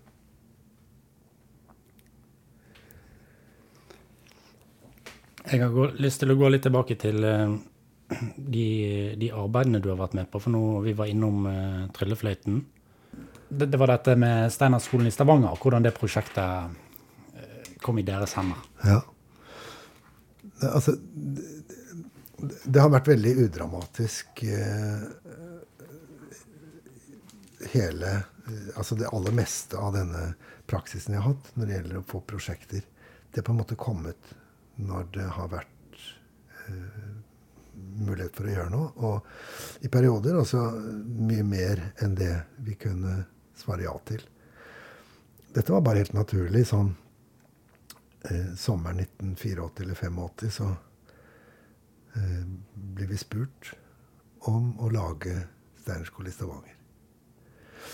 Og akkurat på den tiden så er barnehagen, i, altså Tryllefløyten barnehage, som ble ferdig i 82. Den var da i mellomtiden blitt ganske feiret. Og eh, fra den dramatiske eh, prosessen med å få den eh, godkjent og realisert og bygget, så plutselig så snudde det hele seg, og så ble det bare, bare velstand og, og akklamasjon og ros. Og i den perioden så kommer da mye journalister og fotografer fra andre land. Italia, Tyskland osv. for å ta, gjøre opptak i eh, Tryllefløyten. Tysk TV kommer. Uh, og de har da svært uh, opplegg der i barnehagen. Og vi snakker om videreutbygging på Sternskolen i Bergen sammen med, altså i dette TV-reportasjen det er på Norge Rundt. Altså, så denne garasjen, altså dette veldig lille, rare bygget, var plutselig da full fart. Og vellykket. Og det vi holdt på med, ble betraktet som uh, veldig interessant og veldig aktuelt. Og da kommer det flere henvendelser om å lage uh, eneboliger her i bergensområdet og noen mindre institusjoner, og denne Steinerskolen i Stavanger. Og akkurat på den tiden så er det også at mange av foreldrene på Steinerskolen i Bergen, som vi også holdt på med å eh, lage utvidelsesprosjekt til, eh, de hadde opplevd hvordan eh, vi arbeidet med dem. Fordi da hadde de rollen som oppdragsgiver når vi skulle lage eh, videreutvikling av Steinerskolen. Og de hadde eh, det, var mange av dem var kunstnere. Hadde sine barn på Steinerskolen og foreldre der.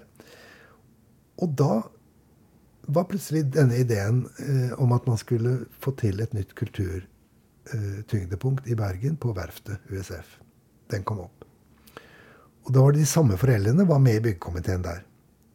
Og da foreslo de at uh, jeg og vi skulle være arkitekt for å bygge ut hele USF. Fordi de hadde opplevd at vi hadde møtt disse motsetningene som man hadde i et skoleprosjekt med håndverkere og eh, lærere og naturfagslærere og uteområde osv. Alt det det hadde vi eh, turnert med, eh, på en måte som de syntes var helt ok. De likte det at vi hadde gått i disse konfliktene og stått i dem og klart å gjennomføre noe ut fra det. Og det sa de, det egner seg. Fordi vi er jo her på verftet, der er det en eh, forfatterskole, Jiuichi-kurs, og det er eh, visningsatelier, og det skal være en restaurant, og det skal bli en kino, og det skal være alt mulig. Og alle disse har jo ulike interesser. Og det vi nå kunne tenke oss, det er en arkitekt som har eh, vist at de klarer å håndtere det og få det sammen, og at det hele blir litt moro. Så dermed så ble vi headhuntet her i Bergen, spurte ikke om det, om å være arkitekter for å utvikle USF. Og det var samtidig med Stavanger steinskole. Og det er selvfølgelig litt mye å holde på med, begge deler, men uh, vi satte i gang. Og så uh, hadde Steinerskolen i Stavanger spurt først. Uh, men de var veldig trege, for de var i tvil om de ville iverksette og underskrive, signere en avtale på at vi faktisk skulle gjøre det. De nølte med det. Eh, mens her i Bergen med USF så var det helt motsatt. Der var det plutselig det prosjektet som begynte etterpå. Det, plutselig så hadde vi workshoper med med alle brukerne og laget skisser, og det var veldig god stemning. Og de ville videre.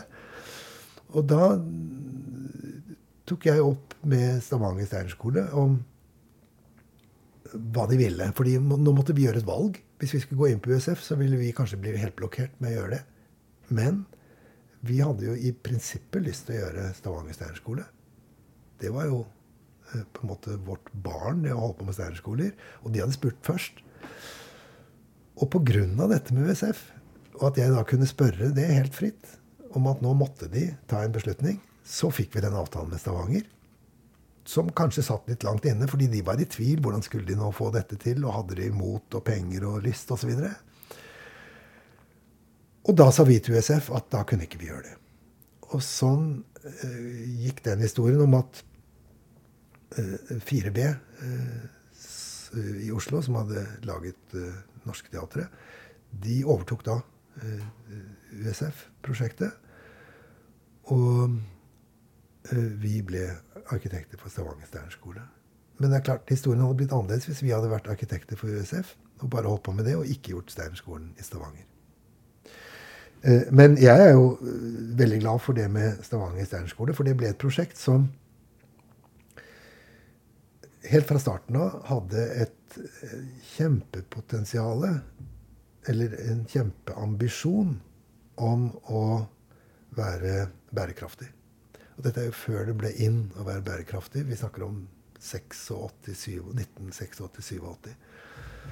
Eh, og Brundtland-kommisjonen var jo 1987. Så det er jo da dette stiger opp til overflaten hos alle mulige. Men altså i Stavanger full fart.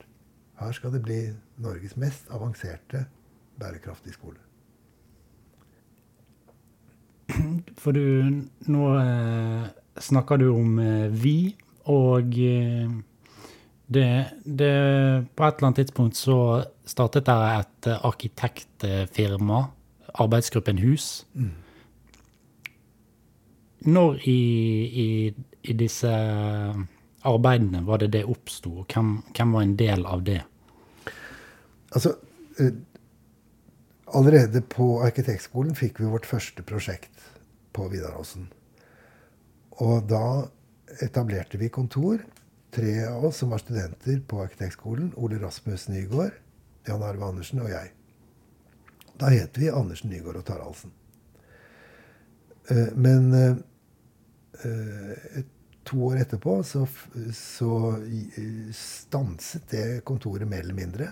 Vi hadde ikke arbeider annet enn denne tryllefløyten i Bergen. Det var det eneste. Det var, da, da, reiste jeg til Bergen fordi de trengte også lære på skolen. Og jeg, det var ikke en full inntekt man hadde av det barnehageprosjektet. Så da døpte vi om kontoret til Arbeidsgruppen Hus. Eh, og da var egentlig den aktive var eh, først Jan Arve Andersen, som tegnet de tekniske tegningene fra Oslo. Og jeg, som satt her i Bergen og hadde oppfølging til myndighetene. Og etter ett år så var det bare jeg. Og da hadde jeg de neste to årene arbeidet jeg helt alene. Fordi eh, det var ikke inntekt. Så da hadde vi altså noe som het Arbeidsgruppenhus med bare meg. Men Jan Arve Andersen han var jo eh, støttet dette. Han begynte da å arbeide uh, i Sverige, hos Asmussen. Uh, og Ole Rasmus Nygaard flyttet også fra Oslo da, til Bergen og arbeidet på et annet arkitektkontor. Men vi var jo i nær kontakt med hverandre, og de, de var supportere. Men den eneste som var aktiv i kontoret, det var meg, og jeg hadde lånte en et bord eh, hos arkitekt Reiter på Bryggen. Eh, og det bordet, det var Arbeidsgruppen Hus. Eh, og det navnet er spesielt fordi det er en slags oversettelse av Bauhaus. Så når du kan komme fra Bauhaus, kan du ikke oversette. Det er jo byggehus, hvis du skal oversette det. Men det kommer jo egentlig fra ideen fra middelalderen, hvor du hadde Bauhytte. Hvor du hadde eh, dette håndverksmessige og eh, kunnskapsmessige sentre rundt byggeoppgaver som kunne pågå i generasjoner rundt katedralene. Og der, det, det heter Bauhytte. Det var en slags eh, landsby som ble etablert rundt disse byggesituasjonene. Og, og denne ideen da, om at uh, alt som kunne bidra og hadde kunnskap, og sånn, at det skulle samles, det ligger jo også i ideen til Bauhaus. Eh, når de til å begynne med lager sitt manifest om at alle kunstartene skal komme sammen. Og denne ideen og eh, denne visjonen til Bauhaus om å samle alle kunstene på den ene siden, men også når du da går over i den eh, mer vitenskapelige altså, etter at Bauhaus forvandler seg fra å være veldig idealistisk 1919, 1920, 1921 til det de kaller den nye sakligheten i 1922-23, hvor alt blir eh, vitenskap. Eh, alt blir rasjonelt. Eh, eh, også denne rasjonaliteten syntes vi hadde noe for seg, fordi den var jo egentlig myntet på å heller la disse godene og disse evnene man hadde som arkitekt, blir spredt jevnt utover hele samfunnet, og ikke bare blir tildelt de som hadde midler, og som var eh, institusjoner, og som var, eh, pekte seg ut som noe spesielt. Men hele ideen med Bauhaus, og eh, hos mange i Europa, med også de eh, kommunistiske revolusjonene i Russland, eh, delvis i Tyskland og sånn, det er jo det at nå er det alle folk sin tur. Og den ideen ligger jo også i Bauhaus. Det der at det er et, eh, en, en sosial eh, eksperiment. Et sosialt initiativ. Og den ideen likte vi. Altså både det rasjonelle, vitenskapelige og den sosiale ideen. Eh, men så var det antroposofien og Steiners ideer, det spirituelle mennesket, som lå til grunn, eller som var kjernen i det. Og nå ville vi kombinere de to. Og da ble det altså et antroposofisk inspirert arkitektkontor som hadde dette navnet til Bauhaus. og som bare var ett bord som jeg fikk låne på kontoret til en på Bryggen. I to og et halvt år mens vi prøvde å kjempe gjennom denne barnehagen i Bergen. Men det morsomme der er at da, så kommer det noe, to villaer som jeg lager i den tiden også, prosjekt til. Og den ene av de villaene den får en morsom medarbeider fordi denne barnehagen, mens den blir kjempet for og blir realisert Det er ennå ikke ferdig. Man vet ennå ikke om den skal bygges. Men modellen av barnehagen den reiser nå sin seiersgang rundt og er med på utstillinger og ender opp i Wien. En stor utstilling om uh, Steiner-skoler og Steiner-barnehager i Wien. 1981 eller noe sånt. Veldig tidlig. Og da sitter det en arkitektstudent i Graz som er norsk. Og han har en stor krise på arkitektskolen i Graz. Og så sier hans professor 'reis til Wien og bli inspirert'. For denne professoren var interessert i steinerskoler. Og så dro denne studenten, som heter Kjetil Tredal Thorsen, og som er grunnleggeren av Snøhetta. Han var da student. Han dro til Wien, og så så han den barnehagen, og så sa han 'dit må jeg'. Og så ringte han til meg, og så kom Kjetil til meg. Og da hadde jeg altså dette ene bordet som jeg lånte på det kontoret, arkitektkontoret. Og rundt det bordet Vi fikk da låne et bord til. Der satt Kjetil Tredal Thorsen, som siden verdens mest berømte, en av verdens mest berømte arkitekter. Men vi hadde det veldig moro, og vi, eh, vi har kontakt eh, den dag i dag. Men det hører jo med til den historien, da. Eh, denne arbeidsgruppen Hus sin begynnelse. Og, og denne begynnelsen, du tok tok det helt tilbake til eh, de årene på Arkitekthøgskolen i Oslo. Og det høres for meg ut som om de, det har vært noen definerende år. Um, og uh, på den måten du skriver at ditt, uh, din motstand i ungdommen mot antroposofien ble forvandlet i og med disse møtene som du hadde i, i Hjerna og du går virkelig inn i dette her og arbeider med det. Og så er du med på et uh, tidsskrift som dere starter i Oslo. Og jeg forstår at det, det er de samme årene. Kan du, kan du, ta oss med tilbake til den uh, tiden? Ja, og fordi, dette tidsskriftet? Dette ja, arbeidet? Dette er på en måte bakgrunnen også for den arkitektvirksomheten. da. Eh, jeg fortalte jo hvordan jeg ble arkitekt pga. at jeg ville slipe meg mot den utfordringen og den motstanden som ligger i det faget. Eh, og så var jeg jo eh, i bunn og grunn blitt interessert i antroposofi. At det var noe med Det var noe med hele eh, vår moderne kultur som hadde et problem som jeg hadde sett da jeg dro på denne jordomseilingen og så hvordan de hadde det så kummerlig i Panama og Hongkong og Sør-Afrika. Eh, det var akkurat som den eneste måten å komme ut av det på, det var å, å, å tjene mer penger og få mer ting. Men det ante noe i meg om at det er ikke, det er ikke der løsningen går. Altså det, det, er mer komplisert enn som så.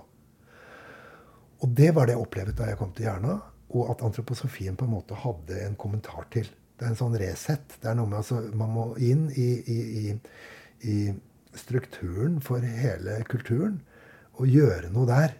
Hvis man skal få en eh, relevant retning på det man skal holde på med. Det ante meg. Men jeg skjønte jo ikke helt hvordan. Og derfor så ble dette med å skjønne antroposofi ble viktig. Så da jeg som 19-åring valgte å bli arkitekt, og valgte å interessere meg for antroposofi, så kastet jeg meg over en bok av Steiner, og det var jo kjempevanskelig. Og jeg skjønte jo fort at dette her er jo et langt lerret å bleke. Og så, øh, etter et år, to, så snakket jeg med uh,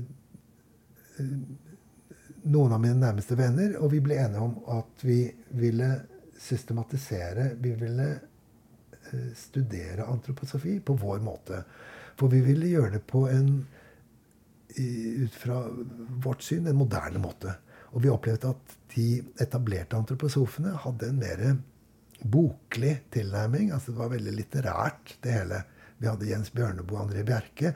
Det, det, var sånne litterater som jeg også hadde vokst opp med. Fordi jeg gikk jo i barnehage i uh, Jens Bjørneboes leilighet på Abildsø i Oslo. Uh, og han var jo lærer på Steinerskolen, som jeg gikk. Og uh, 200 meter bortenfor så var min beste venn den gangen Espen Bjerke, sønnen til André Bjerke. Så jeg, jeg, kjente, jeg, jeg, kjente, jo Jens Bjørnboe og André Bjerke som voksne mennesker da jeg var en liten førsteklassing og annenklassing på folkeskolen. Dette var en verden, og Ernst Sørensen, dette var en verden jeg kjente til. Jeg opplevde den som boklig. Og at det kom en kraftig korreksjon da jeg kom til dette stedet i Jerna, hvor de hadde denne tilnærmingen med det jeg kalte rensing av kloakk, altså dammene. Og etter hvert at de begynte å bygge arkitektur. Det var helt fremmed for den tradisjonen som jeg kjente fra Norge av antroposofer. At man eh, skulle legge så stor vekt på også å bidra i å forvandle den ytre verden. Men at denne balansen mellom det å gjøre noe i det ytre og gjøre noe i det indre, den opplevet jeg som eh, veldig langt kommet i dette prosjektet i Jerna. Og det var forbildet. Og så går vi nå på arkitektskolen. Og så drar vi da til Jerna med jevne mellomrom to-tre ganger hvert år for å liksom få ny eh, inspirasjon. Samtidig som vi da har venner i Oslo Eh, og eldre antroposofer, et miljø som vi jo ikke har noe imot, men vi opplevde at løsningen den lå i hjerna. Der hadde de dette grepene på verden, og det måtte til. Og da ville antroposofien på en måte blomstre. Og så begynner vi, for å kunne bli voksne til å skjønne eh, hvordan vi selv kunne gjøre noe, så begynte vi da å studere antroposofi, og så lager vi studiegruppe. Og da går vi ikke bare på foredrag eller leser bøker alene, men vi begynner å lese i organisert studiearbeid. Og i 1969 så lager vi da en første gruppe, studiegruppe som heter 69-gruppa. og der er vi beinharde. For da er vi åtte stykker. Og så sier vi at uh, vi leser en bok. Vi startet med uh, grunnlinjen til en erkjennelsesteori i den gotiske verdensanskuelse en av Steins første bøker. Og så vi, delte vi den opp, og så måtte alle gjøre sin lekse. Og så når vi møttes, så måtte alle være forberedt på i et lite sammendrag av det vi hadde lest, men et ordentlig, skikkelig sammendrag. Så da tok vi alle navnene oppi en kopp, krøllet sammen som papir, og trakk ut ett navn. Og den vi åpnet, måtte holde sitt foredrag om det vi hadde lest. Og alle måtte komme til alle møter.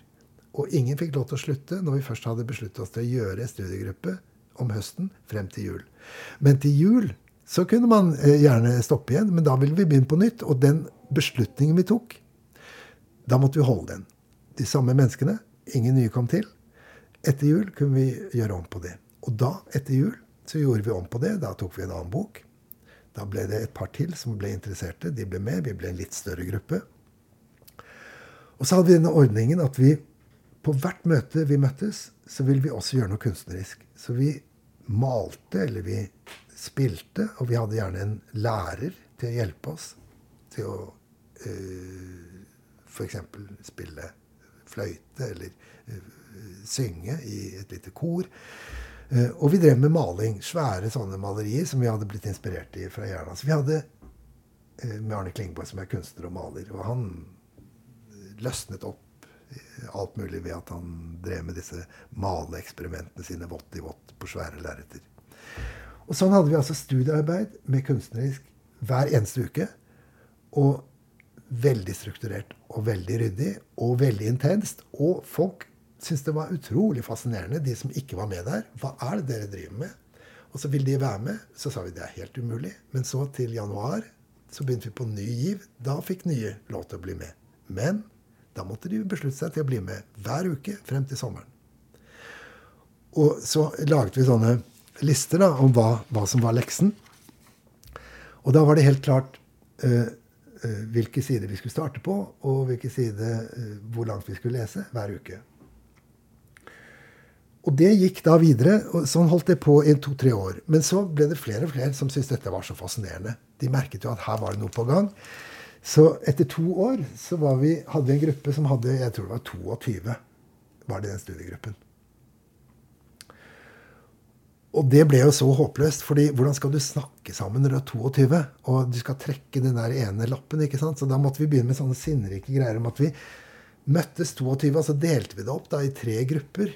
Og hver gruppe i hvert sitt rom. Og det ble jo så komplisert. Og så drakk vi jo te, da. Og skulle vi male og spille og sånn. Så den, den eh, våren 72, da sa vi nå deler vi det hele. Så lager vi en gruppe til så ble det altså, Den het da 72-gruppa. Og Da var det to grupper med tolv mennesker i hver gruppe. Det er allerede en ganske stor gruppe. ikke sant? Fire, par og tyve mennesker som holder på. Og alle sammen øh, helt øh, punktlig. ingen slutter. Noen sluttet jo, men altså, vi var veldig nøye med her er det, man tar en beslutning for et halvt år. Og så kom vi til dette bare vokser på seg. Så kommer vi til året etter. Og da er det plutselig sånn at vi uh, begynner med tre grupper. Og så etter et halvt år så er det uh, fem eller seks grupper. Og så grunnlegger vi noe på den tiden som heter USASTO i Oslo. Og det er altså USASTO. Ungdomsstudiefellesskapet for antroposofi og sosial tregrening i Oslo-området. blir gjort mye narr av. Det høres ut som et månelandingsfartøy. USASTO.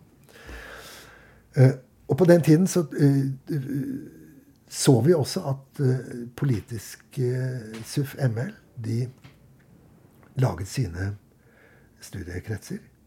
Hvor de forberedte sin revolusjon i Norge. Det var jo en ganske heftig tid på 70, begynnelsen av 70-tallet. Og de hadde funnet ut at hvis de hadde en paraplyorganisasjon for studiearbeid, så kunne de få støtte fra staten. Eh, under lovgivning om folkeuniversitet, altså folkeoppdragelse. Eh, og det hadde jo ikke vi. sånn at jeg kom på, den, jeg kom på ideen om å kontakte Folkeuniversitetet direkte. Og hadde forhandlinger med dem. Og så fortalte jeg hva vi holdt på med. Dette er jo veldig dannende, det vi holdt på med. Veldig flott og stilig. Og de var jo interessert i å få flere, sånn at de bare kunne fremstå som store og mektige. Så vi ble godkjent etter en prosess i Folkeuniversitetet som en eh, pengeberettiget eh, del av dem. Og nå ble det altså slik at etter hvert som disse studiegruppene blir flere og flere, så kunne vi da peke ut i hver gruppe én som vi kalte lærere i gåsehudene. Og denne læreren fikk, mottok da eh, ifølge en sånn eh, norm for utbetaling av eh, undervisning noen penger. Og de pengene så jo den læreren aldri, men de gikk da inn til dette USASTO. Og så fikk den som vi hadde pekt ut, den fikk da oppgitt dette som inntekt på sin selvangivelse med noe skatt som skulle trekkes. Og det betalte nå USASTO til hver enkelt lærer. Så nå begynte vi å organisere denne, en sånn pengeverden ved siden av. Og den pengeverden den ble ganske merkelig, eh, merkbar. slik at eh, Jeg tenkte på det eh, i går. Jeg vil anta at vi fikk inn noe sånt som mellom 50 til 100 000 per halvår med dagens penger for disse studiearbeidene. Og det var da ingen som skulle ha, men det gikk rett inn i kassen til dette USASTO. Så la oss si at du har 80 000 kroner per halvår så er det, det er jo en del penger som du kan bruke til eh, alt mulig. Og så Et halvt år går fort, så i løpet av ett år så er det liksom 150 200 000 som du får inn på den måten. Eh, og på den tiden så laget vi da avisen vår, Josefine. Og den, den, den, starter også da tidligere. Det er allerede altså 1972. 71-72 så kommer da første Josefine. Og det var fordi vi ville lage en, en sånn informasjonsblekke oss imellom. Som skulle ha den formen vi ville ha. Den skulle ikke være sånn boklig antroposofisk. Og den skulle ikke være anarkistisk. Den skulle være ungdomsantroposofisk. Og det ble da denne Josefine. Og den kom ut eh, de neste fem-seks årene med to nummer i året. Og da eh, fikk vi tilgang til egen offset-maskin. Og vi måtte, leie det, vi måtte leie den og betale for utstyr og den. Og alt vi brukte til det, og underskudd når vi etter hvert trykket den i trykkerier i ganske store opplag, opptil 3000 eh, i opplag, så fikk vi underskudd. Og det dekket vi da inn gjennom disse pengene. Og så i 1973, da var det liksom blitt Vi hadde både begynt å få inntekter, og så hadde vi disse her studiegruppene. Og jeg var med kanskje i to noen ganger kanskje tre studiegrupper i en uke. Og det var mens vi gikk på arkitektskolen. Og så var det styremøte for denne USASTO. Og så var det uh, Ja, uh, altså Det gikk kanskje mye mer tid til dette arbeidet enn til arkitektstudiet. I hele min arkitektstudietid. Fordi dette var det det handlet om. Det var å legge grunnlaget og skjønne antroposofien. Og på den måten gikk vi nå gjennom alle grunnbøkene. Men veldig grundig. Altså de jeg nevnte. Også frihetens filosofi, teosofi, eh, vitenskapen om det skjulte. Hvordan oppnår, oppnår man erkjennelse om de høyere verdener. Eh, eh, frihetens filosofi kanskje tre ganger i løpet av disse årene gikk jeg gjennom. Og på den måten så fikk jo vi en solid grunnballast i hva antroposofi var. Fordi vi ledet jo altså Jeg var jo leder i alle disse gruppene. Holdt på med det i fem år. og, og, i noen av de periodene i to grupper per uke. Og så var det at vi i 1973 åpnet vårt eget restaurant. Så nå fikk vi altså et vegetarisk spisested midt i Oslo og Hjelms gate. Sammen med anarkistene og Gateavisa. Og da kan du tenke deg, Vi ble jo en, en, en, en egen kultur med eh, opp mot 60 betalende medlemmer i USASTO. Så hadde vi disse inntektene. Så hadde vi vår egen lille avis, Josefine. Og så hadde vi vårt spisested, vegetarisk, med biologisk dynamisk. Som også var det stedet vi møttes. Og der hadde vi også i etasjen over kontor til avisen vår Josefine. Og det var jo utrolig fascinerende. Og vi fant en måte å håndtere disse pengene på hvor vi hadde bevilgningsmøter. Eh, sånn at vår lille kultur den eh, omfattet også det at vi bevilget penger til det vi ville. Og da sa vi at f.eks. om to uker er det bevilgningsmøte den og den dagen. Alle medlemmer som vil, de kommer. Så ber man folk om å komme med forslag til hva man skal gi penger til.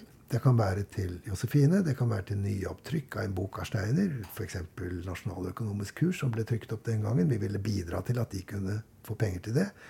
Eh, noen svenske venner vi hadde, grunnla en Steinerskole i India.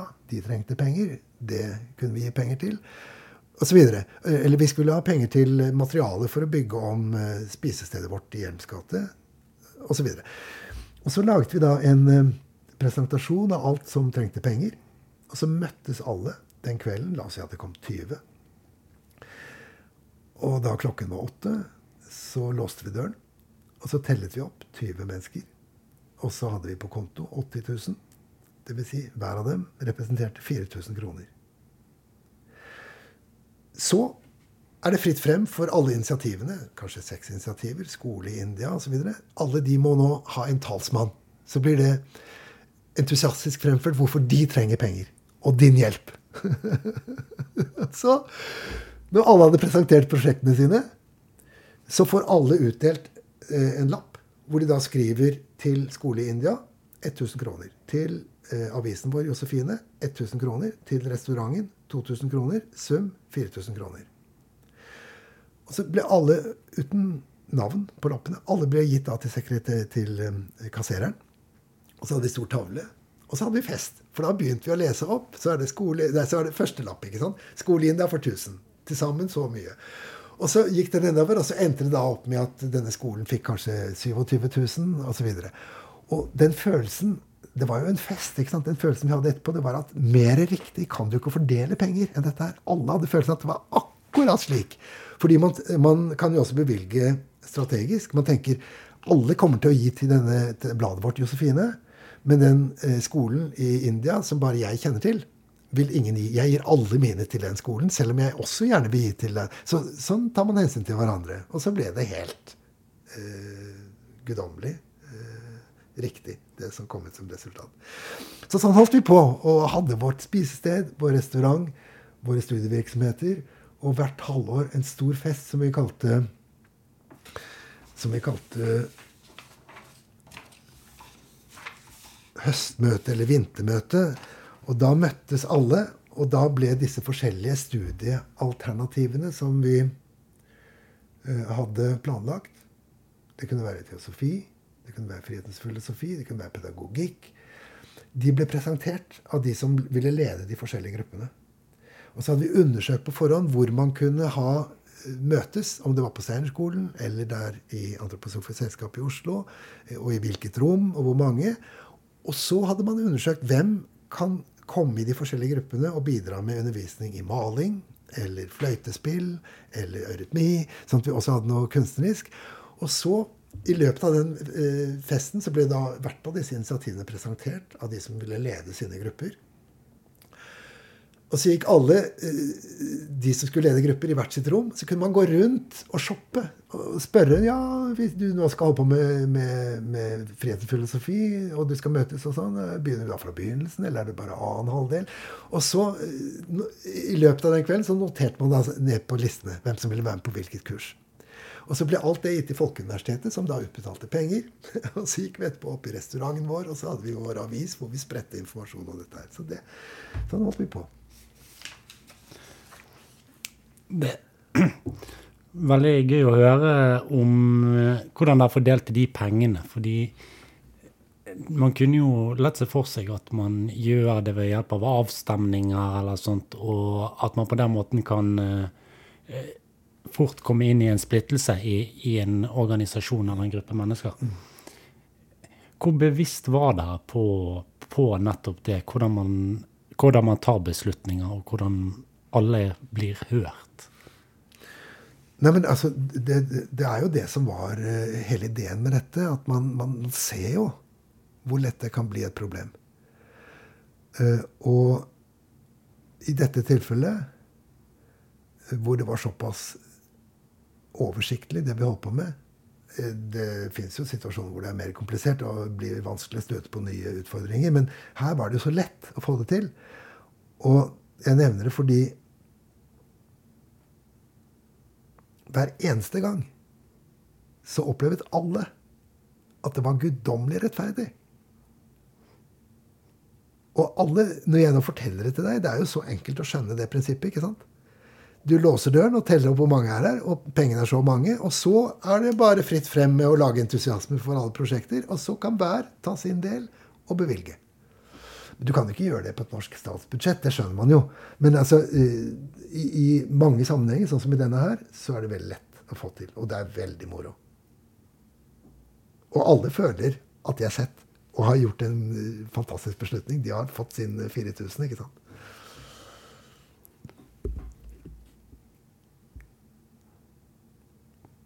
Ja.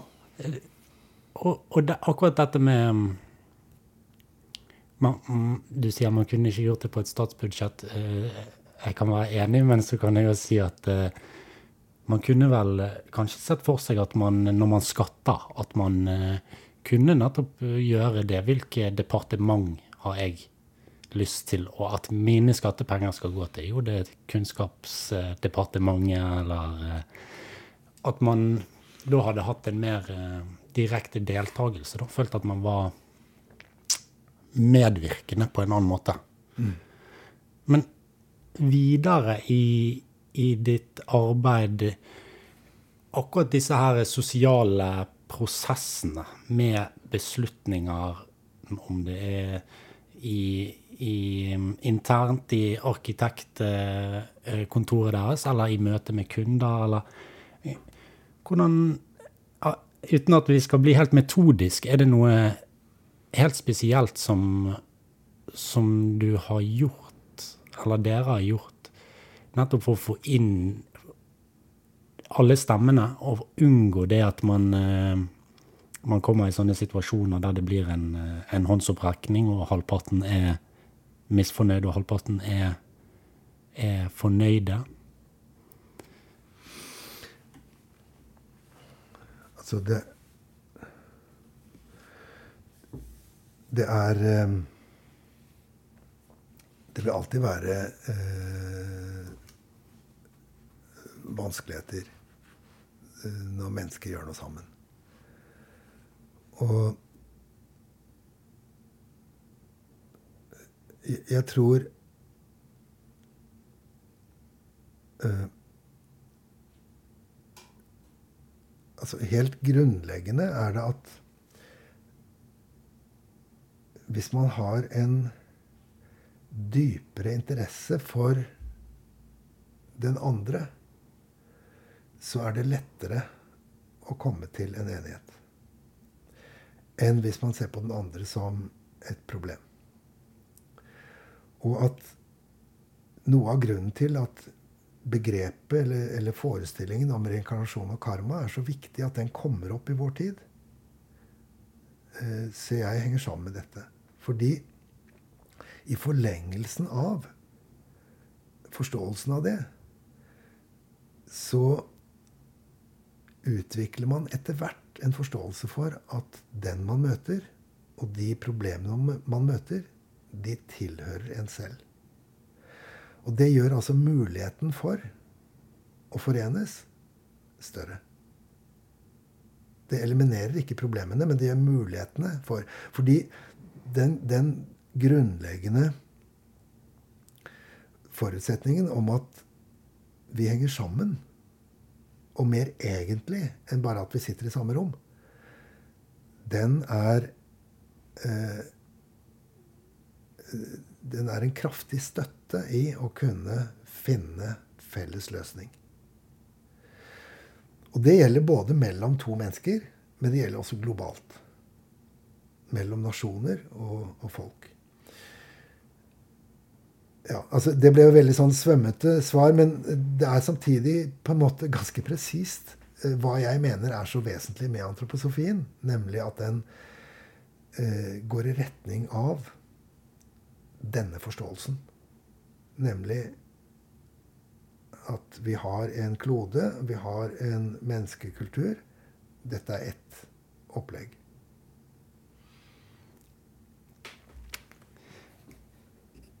Ja, det, det jeg, tenker på dette For det ofte så har jeg opplevd at man eh, man kan være en gruppe som er sammen, og, og det er mange gode ideer. Alle har sin egen idé. Mm som de har lyst til at eh, skal realiseres. Um, men man klarer, klarer, ikke å komme videre. Man sitter der med sine egne ideer, og, og så blir det med det. Det blir at man uh, har en eh, kreativ runde, og, og, det kommer mange ideer. Hvordan går man videre? Ingenting, ingenting skjer. Men, men, det du sier med interesse for, den, for det andre mennesket, og de, de ideene som de har, Um, det, det, gir jo det, det, gir jo en mulighet til å på en måte heve seg litt over de der helt personlige Dette er min mening om, om det som er viktig. At man går inn i noe, noe større sammen. Men når du nevner reinkarnasjon og karma, så For de som dette er litt ukjente begreper for Reinkarnasjon og karma er en viktig viktig tanke i antroposofien, og noe som Rudolf Steiner skriver mye om.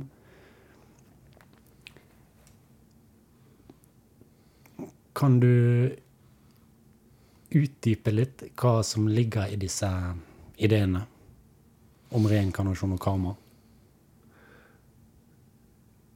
Ja, altså eh, Det er jo man kan si ikke så veldig merkverdig. For jeg tror alle, har en anelse om at uh, dette ordet reinkarnasjon, altså at man har fødes flere ganger, uh, at det er noe som fins som idé. Og at karma, som jo er et annet ord for skjebne, at det er også noe som er der. men problemet er jo med en gang man skal presses til å si Tror du på det? Og det er jo egentlig en veldig eiendommelig tilnærming. fordi man bør ikke tro på det. Du kan like gjerne gå motsatt vei og si 'tror du ikke på det'? Så sier folk 'ja, det var bra du spurte om, for det, det gjør jeg ikke'. Så kan du spørre 'ja, hvorfor tror du ikke på det'? Og hvorfor er den troen så mye mer saklig enn å tro på det?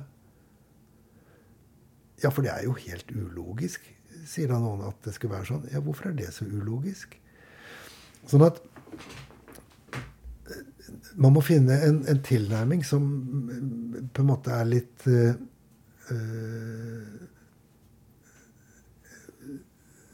Litt avslappet.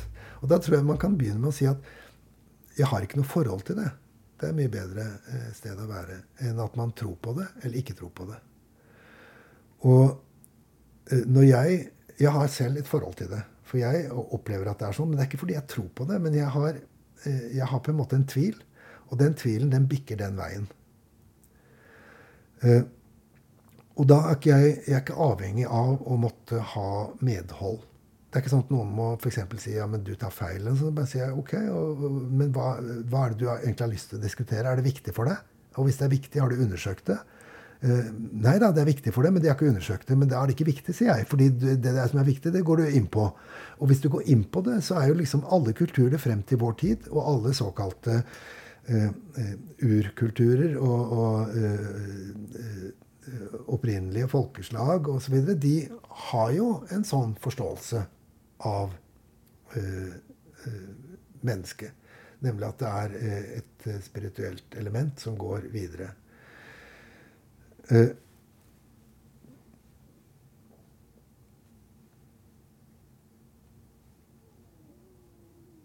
altså det som er Steiners argument i hans første offentlige presentasjon av ideen om reinkarnasjon og karma, det er at han sier Hvis du ser på personligheten hos en, så er det urimelig å anta at den personligheten har utviklet seg uh, i dette livet her må det ligge noe til grunn for den. Og han peker da på eh, store personligheter som Goethe f.eks., eller Schiller, altså som er store tyske eh, forfattere som han hadde et forhold til den gangen. Steiner. Han bruker det som ek eksempel. Og eh, jeg syns det er en, en, forståelig ting. Når jeg møter mennesker, så merker jeg her er det dypere sjikt enn det som bare er kommet opp gjennom oppdragelse og skolegang. Og da måtte man tatt noen konkrete eksempler på det. Eh, det gjør vi ikke nå, men det gjør at jeg, altså, som jeg sa, bikker den veien. Eh, og så er det at når jeg da bikker den veien, eh, og da er det ikke noe påstand eller at jeg ber folk om å måtte absolutt være så snill og være enig med meg. Det er ikke det. det. Tenk hva du vil. Men det er en smart ting, for hvis du gjør det, så begynner du å oppleve at det er en forståelse. Altså, altså det er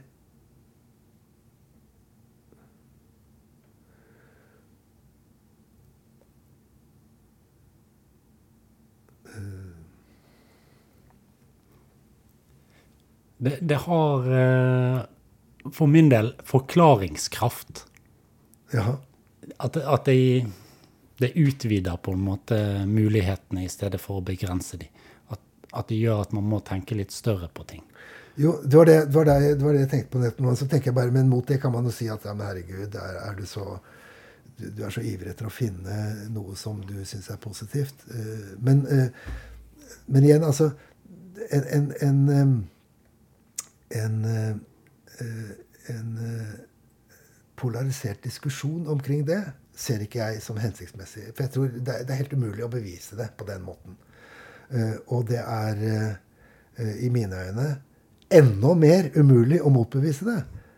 Og der, Det er det som ligger i det ordet 'bikke' den veien. ikke sant? For det, det, er jo helt håpløst. Man kan være agnostiker og si 'jeg har ikke noe forhold til det'. Det er greit. Men å begynne å si at man eh, vil motbevise det Og så har jeg masse tanker i hodet. Derfor ble jeg stille i stad. fordi hvis man snakker om skjebne og astrologi, og at du er Tror du på skjebne og sånt noe Det er ikke der det er. Det er en helt annen retning det går. Det går i retning av det du snakker om. Men det er ikke fordi det åpner for mye at jeg tenker det. Men jeg syns faktisk at dette her er noe som jeg har eh, et forhold til eh, gjennom min biografi. Jeg ser i mitt liv at Og jo mer oppmerksom jeg er på det, jo mer ser jeg det. At det er mønstre som spiller inn mot meg. I måten ting skjer på. I menneskemøter og i hendelsesforløp.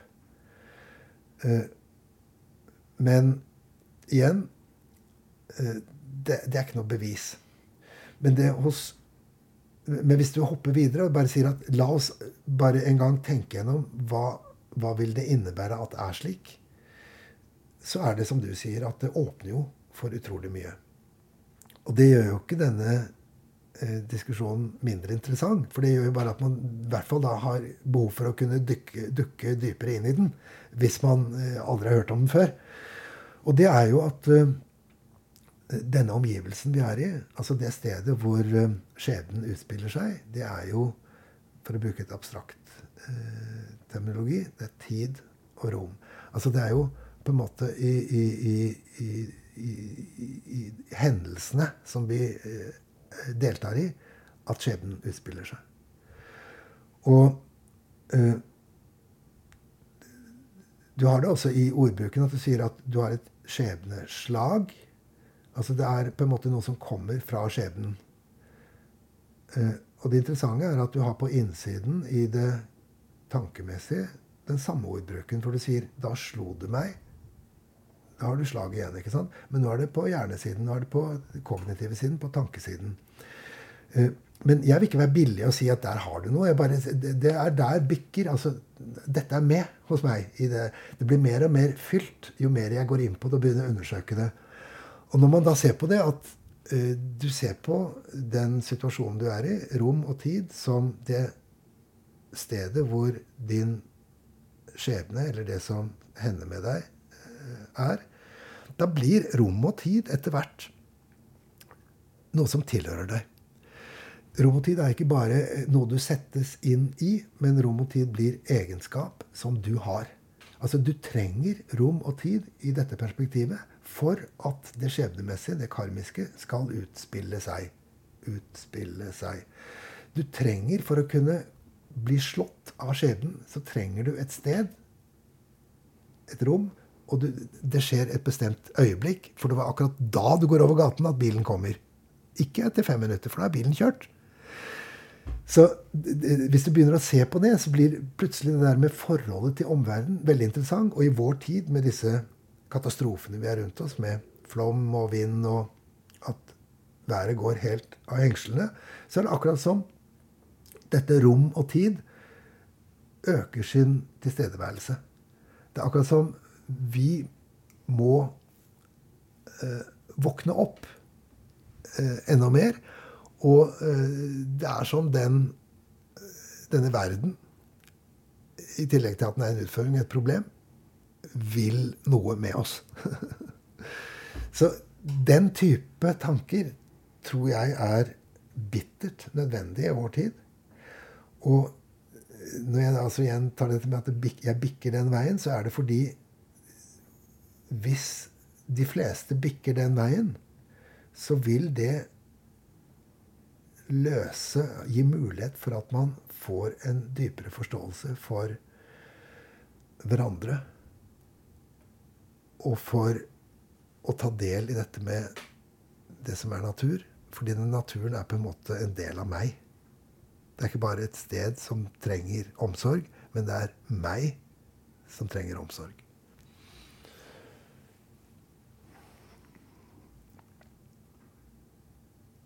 Det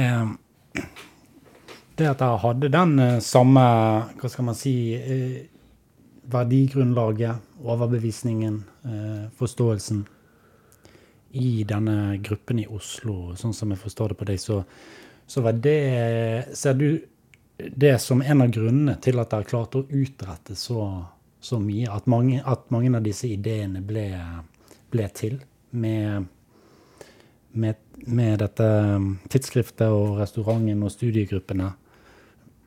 Men så har jeg lyst til å Det er kanskje en lang linje å dra, men eh, jeg vet at du har arbeidet med Steinerskole i Kina òg. Og da lurer jeg på Der Jeg, ser jo for meg at man møter mange, mange Kanskje ikke motsetninger, men at det, det er store kulturforskjeller. Eh, og er det noe Man kan si det er kanskje lettere å realisere noe når man er enig om så mye. Men når du har arbeidet med, med, så, med en, eh, mennesker fra en så ulik kultur, eh, hvilke utfordringer er det det byr på? Ja, altså Prosjektet Kina, der er det jo egentlig sånn at eh, da er det jo på en måte slutt med utfordringene. Fordi er, noe er jo kulturen. Du må inn i den, og den, det er jo en reise i seg selv. Og som arkitekt så må du ta, håndtere dette med hele den eh, tekniske situasjonen som du finner der borte. Og fremfor alt klima og forskrifter som er så annerledes. Men eh, da jeg kom til Kina, så jo jeg, hadde jo jeg en bakgrunn som arkitekt. Og de eh, var jo så fascinert av hele Steinerskole tenkningen og antroposofien, og kunne ikke så mye om den, for hadde, de hadde jo lært det. Den første steinerskolen i Kina ble jo grunnlagt sånn 2002. Eh, altså helt på begynnelsen. Og, og jeg kom dit da sånn 10-12 år etterpå. Så det gjorde at da jeg kom, så ble jeg oppfattet av dem som den som kunne alt og visste alt. Og det var jo helt nytt. Det hadde jo ikke, det, du opplever jo aldri det i Norge. så det er jo, det er jo ganske, det er jo ganske uh, usunt i grunn å være lenge sånne, under sånne forhold. Men uh, i Kina så er, så er, man der. Det er, det er jo behagelig og morsomt. Ja. Det er vel uh, det var andre ting i Kina som ble kompliserte. Og det er jo det hvordan du kan klare å få denne kontinuiteten i lærerkollegiet. At de både lærer seg det de skal for å kunne uh, skape en uh, tilstrekkelig gedigen steinerskole. Altså at de kan faget sitt og menneskebildet som ligger bak Steinerskolen. Og at de er gode nok pedagoger altså, i seg selv. For det er jo Ethvert individ er jo ulikt begavet til å være pedagog. Så det at du er antroposof, er jo ikke noe garanti. Jo, altså det Å være en god pedagog som ikke er antroposof, er jo fantastisk. Jeg har jo hatt sånne lærere. Eh, men å ha en eh, antroposof som er en dårlig pedagog, er jo ingenting. Det har jeg også hatt. For det, altså, Den menneskelige utfordringen var ikke den sterke der borte. Der var det bare vennskap hele tiden. Men det, var, det er jo det der å, å, å få til en eh, så stor skole som det vi drev med der, med 1000 mennesker. Og så Hvordan håndterer du det klimaet? Eh, når, når, det er subtropisk. ikke sant? Det er stort sett over 30 varmegrader. Det er en helt annen type skoledag du har, ikke sant? Og så er det at kineserne bor i en kultur som verken er norsk eller tysk. Så du kan ikke bare komme opp med en sånn norsk skoletenkning. Du må tenke det annerledes. Altså, det er f.eks. For forståelsen for hverandre, altså det sosiale prosjektet i en skole. Fra eh, foreldre til lærere, småbarn i barnehagen, alle skoler Altså at alle på en måte er én en enhet. Det er mye sterkere i Kina enn hos oss, hvor det er mer atskilte etapper og forskjellige grupperinger. Det fins jo tendens til det også i Kina, men altså at de er én gjeng, det er så voldsomt sterkt. Og også deres forhold til um, den egne kulturen. Uh, både den moderne kulturen med med denne sterke politiske styringen i Kina, som jo de ikke går fri fra. Som de både påtvinges noe, men som de også har litt anlegg for. Det er litt sånn altså Partiet og, og staten og styret og Xi Jinping og sånn. Altså, det, det er vår far, lite grann. Mye mer enn uh, Jonas Gahr Støre i Norge. Og det må vi forholde oss til. Når de da feirer det flagget, det kinesiske flagget uh, om morgenen, så er det dype følelser som kommer i sving. Dypere enn uh, i Norge. Og de gjør det oftere enn vi gjør det i Norge.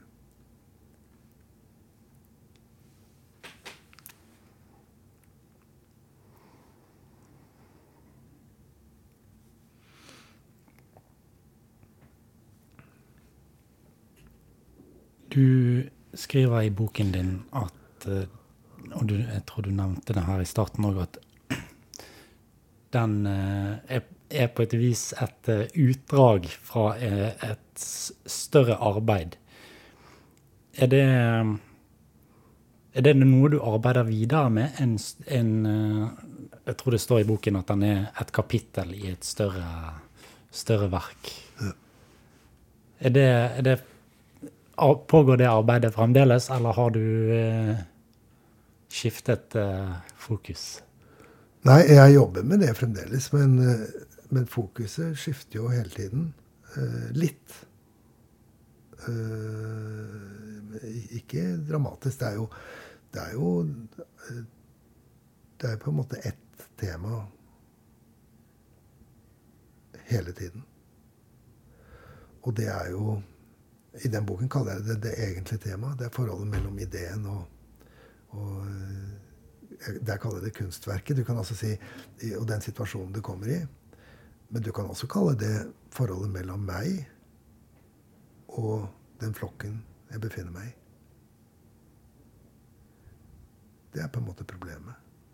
Eller Norge og verden. Eller jeg og verden. Altså, så når man sier det sånn, så blir det så blåst. Altså, det sier ingenting, og det, det er bare sånn jaha.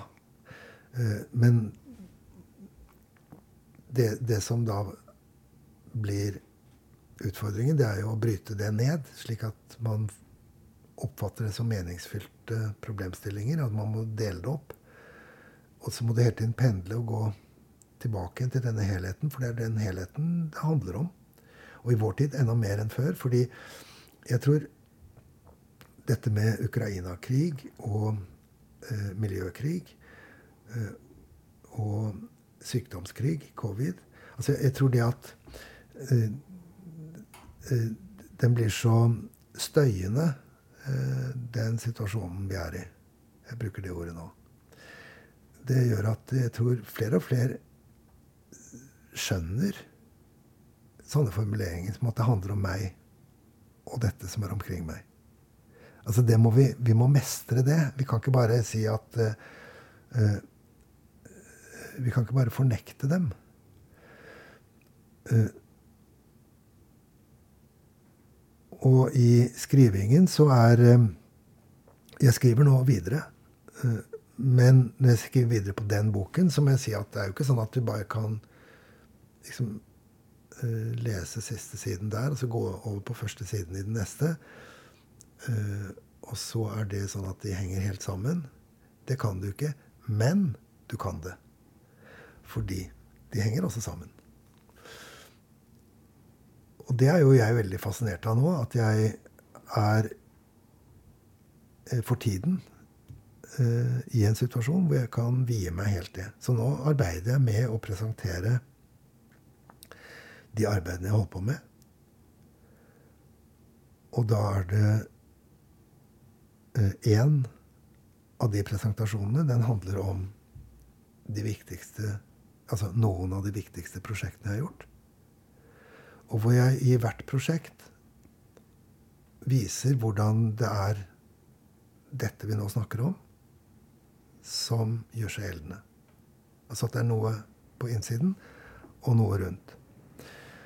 Men grunnen til at jeg da går gjennom forskjellige prosjekter, det er at jeg vil unnvike denne generelle måten å si det på. Det å si meg og verden. Jaha, ikke sant? Men når du da bryter det opp, og så blir det hele tiden konkrete problemstillinger, men hvor det samme temaet utspiller seg, da er det en måte å prøve å få satt i sving det organet. Mer enn at det bare blir en teori. Fordi alle disse eksemplene jeg da gir Det ene er da barnehagen, den tryllefløyten, hvor det er snakk om det å være inne i bygningen og det å være utenfor bygningen, som er et viktig tema. Og det er jo veldig sånn fysisk. Mens du har eh, i Stavanger steinerskole, så handler det om å være hvor, hvor, i konseptet av selve skolen så handler det om det at ting er kaotiske. Eller at ting er ordnete. Vi er et helt annet sted enn ute og inne fysisk. Nå er vi i en, en, en annen verden. ikke sant? At man lever mellom kosmos og kaos. Det er den arkitekturen. Og så eh, er jo poenget mitt da at dette er bare å se samme saken fra to sider. Eh, eh, og slik går det i i, i, i, dette prosjektet i Kina, som vi snakket om, så handler det om polariteter. Altså at du har en kvalitet. Du kan si eh, mørkt og lyst. Du har at noe eh, kommer sammen, og noe vier seg ut. Det er på en måte fortellingen i dette Kina-prosjektet. Eh, men det er igjen det samme. Altså en polaritet. Lys og mørke har igjen dette med ute og inne og kaos og kosmos. Altså det, det er sånn. Så det er, det er, da den ene fortsettelsen jeg har. Og den andre fortsettelsen Du kan si det er to sånne bøker da, som ligger der. Det er jo at jeg arbeider videre i denne kommentaren til Steiner direkte. Altså hvor jeg prøver å uh, komme til en uh, beskrivelse av slik jeg ser at uh, intensjonen, altså hensikten, målet, drømmen, visjonen hos Steiner, hvordan den både uh, gikk gjennom noen etapper i hans liv, men at det også er helt, for meg helt åpenbart at dette fortsetter etter at han dør. At det han beskriver og peker på, at det kan man bringe videre. Og det ser jeg som verdifullt. Det er da den andre forklaringen. Men om jeg nå snakker om ute, inne, eller polariteter, eller mørkt og lyst, som i den ene sammenhengen, og, og jeg knytter da de problemene til hvert sitt prosjekt, eller om jeg nå snakker om hvordan Steiner arbeider videre, så er det også de to handler egentlig om det samme. Og det er da Ja.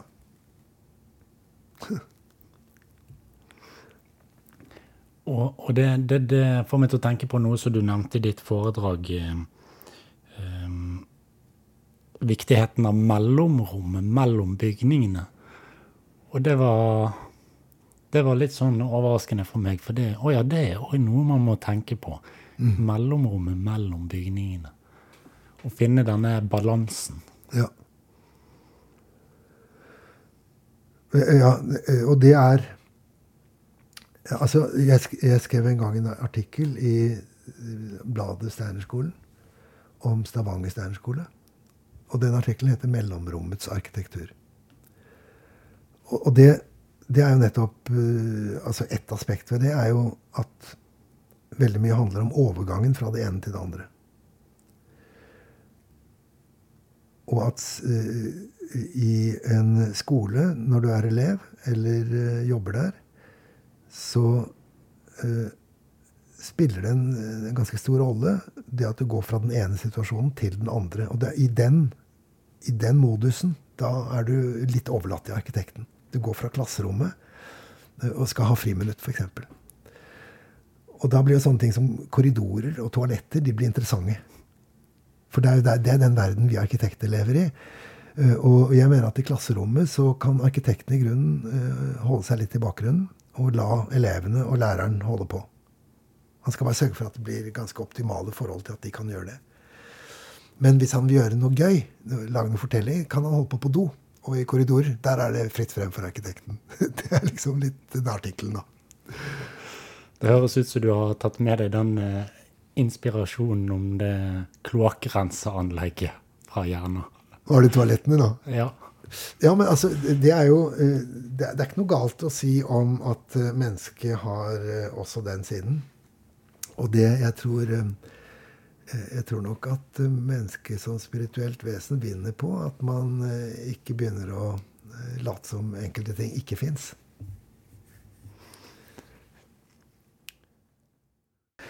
Bare føy til noe der. Fordi du kan si det som er Det som er det springende punkt, det er nettopp denne midten. Fordi det, det er den det hele tiden kommer an på å søke. Og det at du forener den ene med den andre Det er ikke den ene og ikke den andre som er det interessante der, men forene som er det interessante. Og forene gjør du ikke ved at du rører dem sammen til en suppe. Og det er jo dette som er lekens vesen.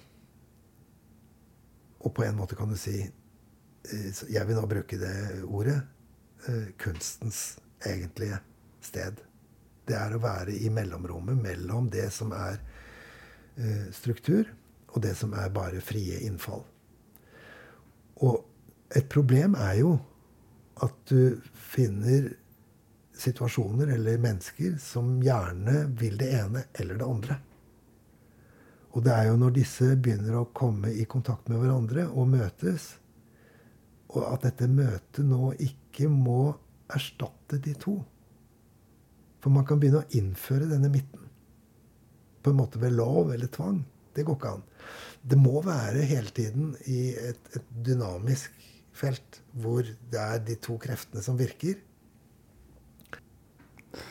Tusen takk for at du tok deg tid, Espen. Og hvis noen hører på dette, takk til dere òg. ja. Takk skal du ha.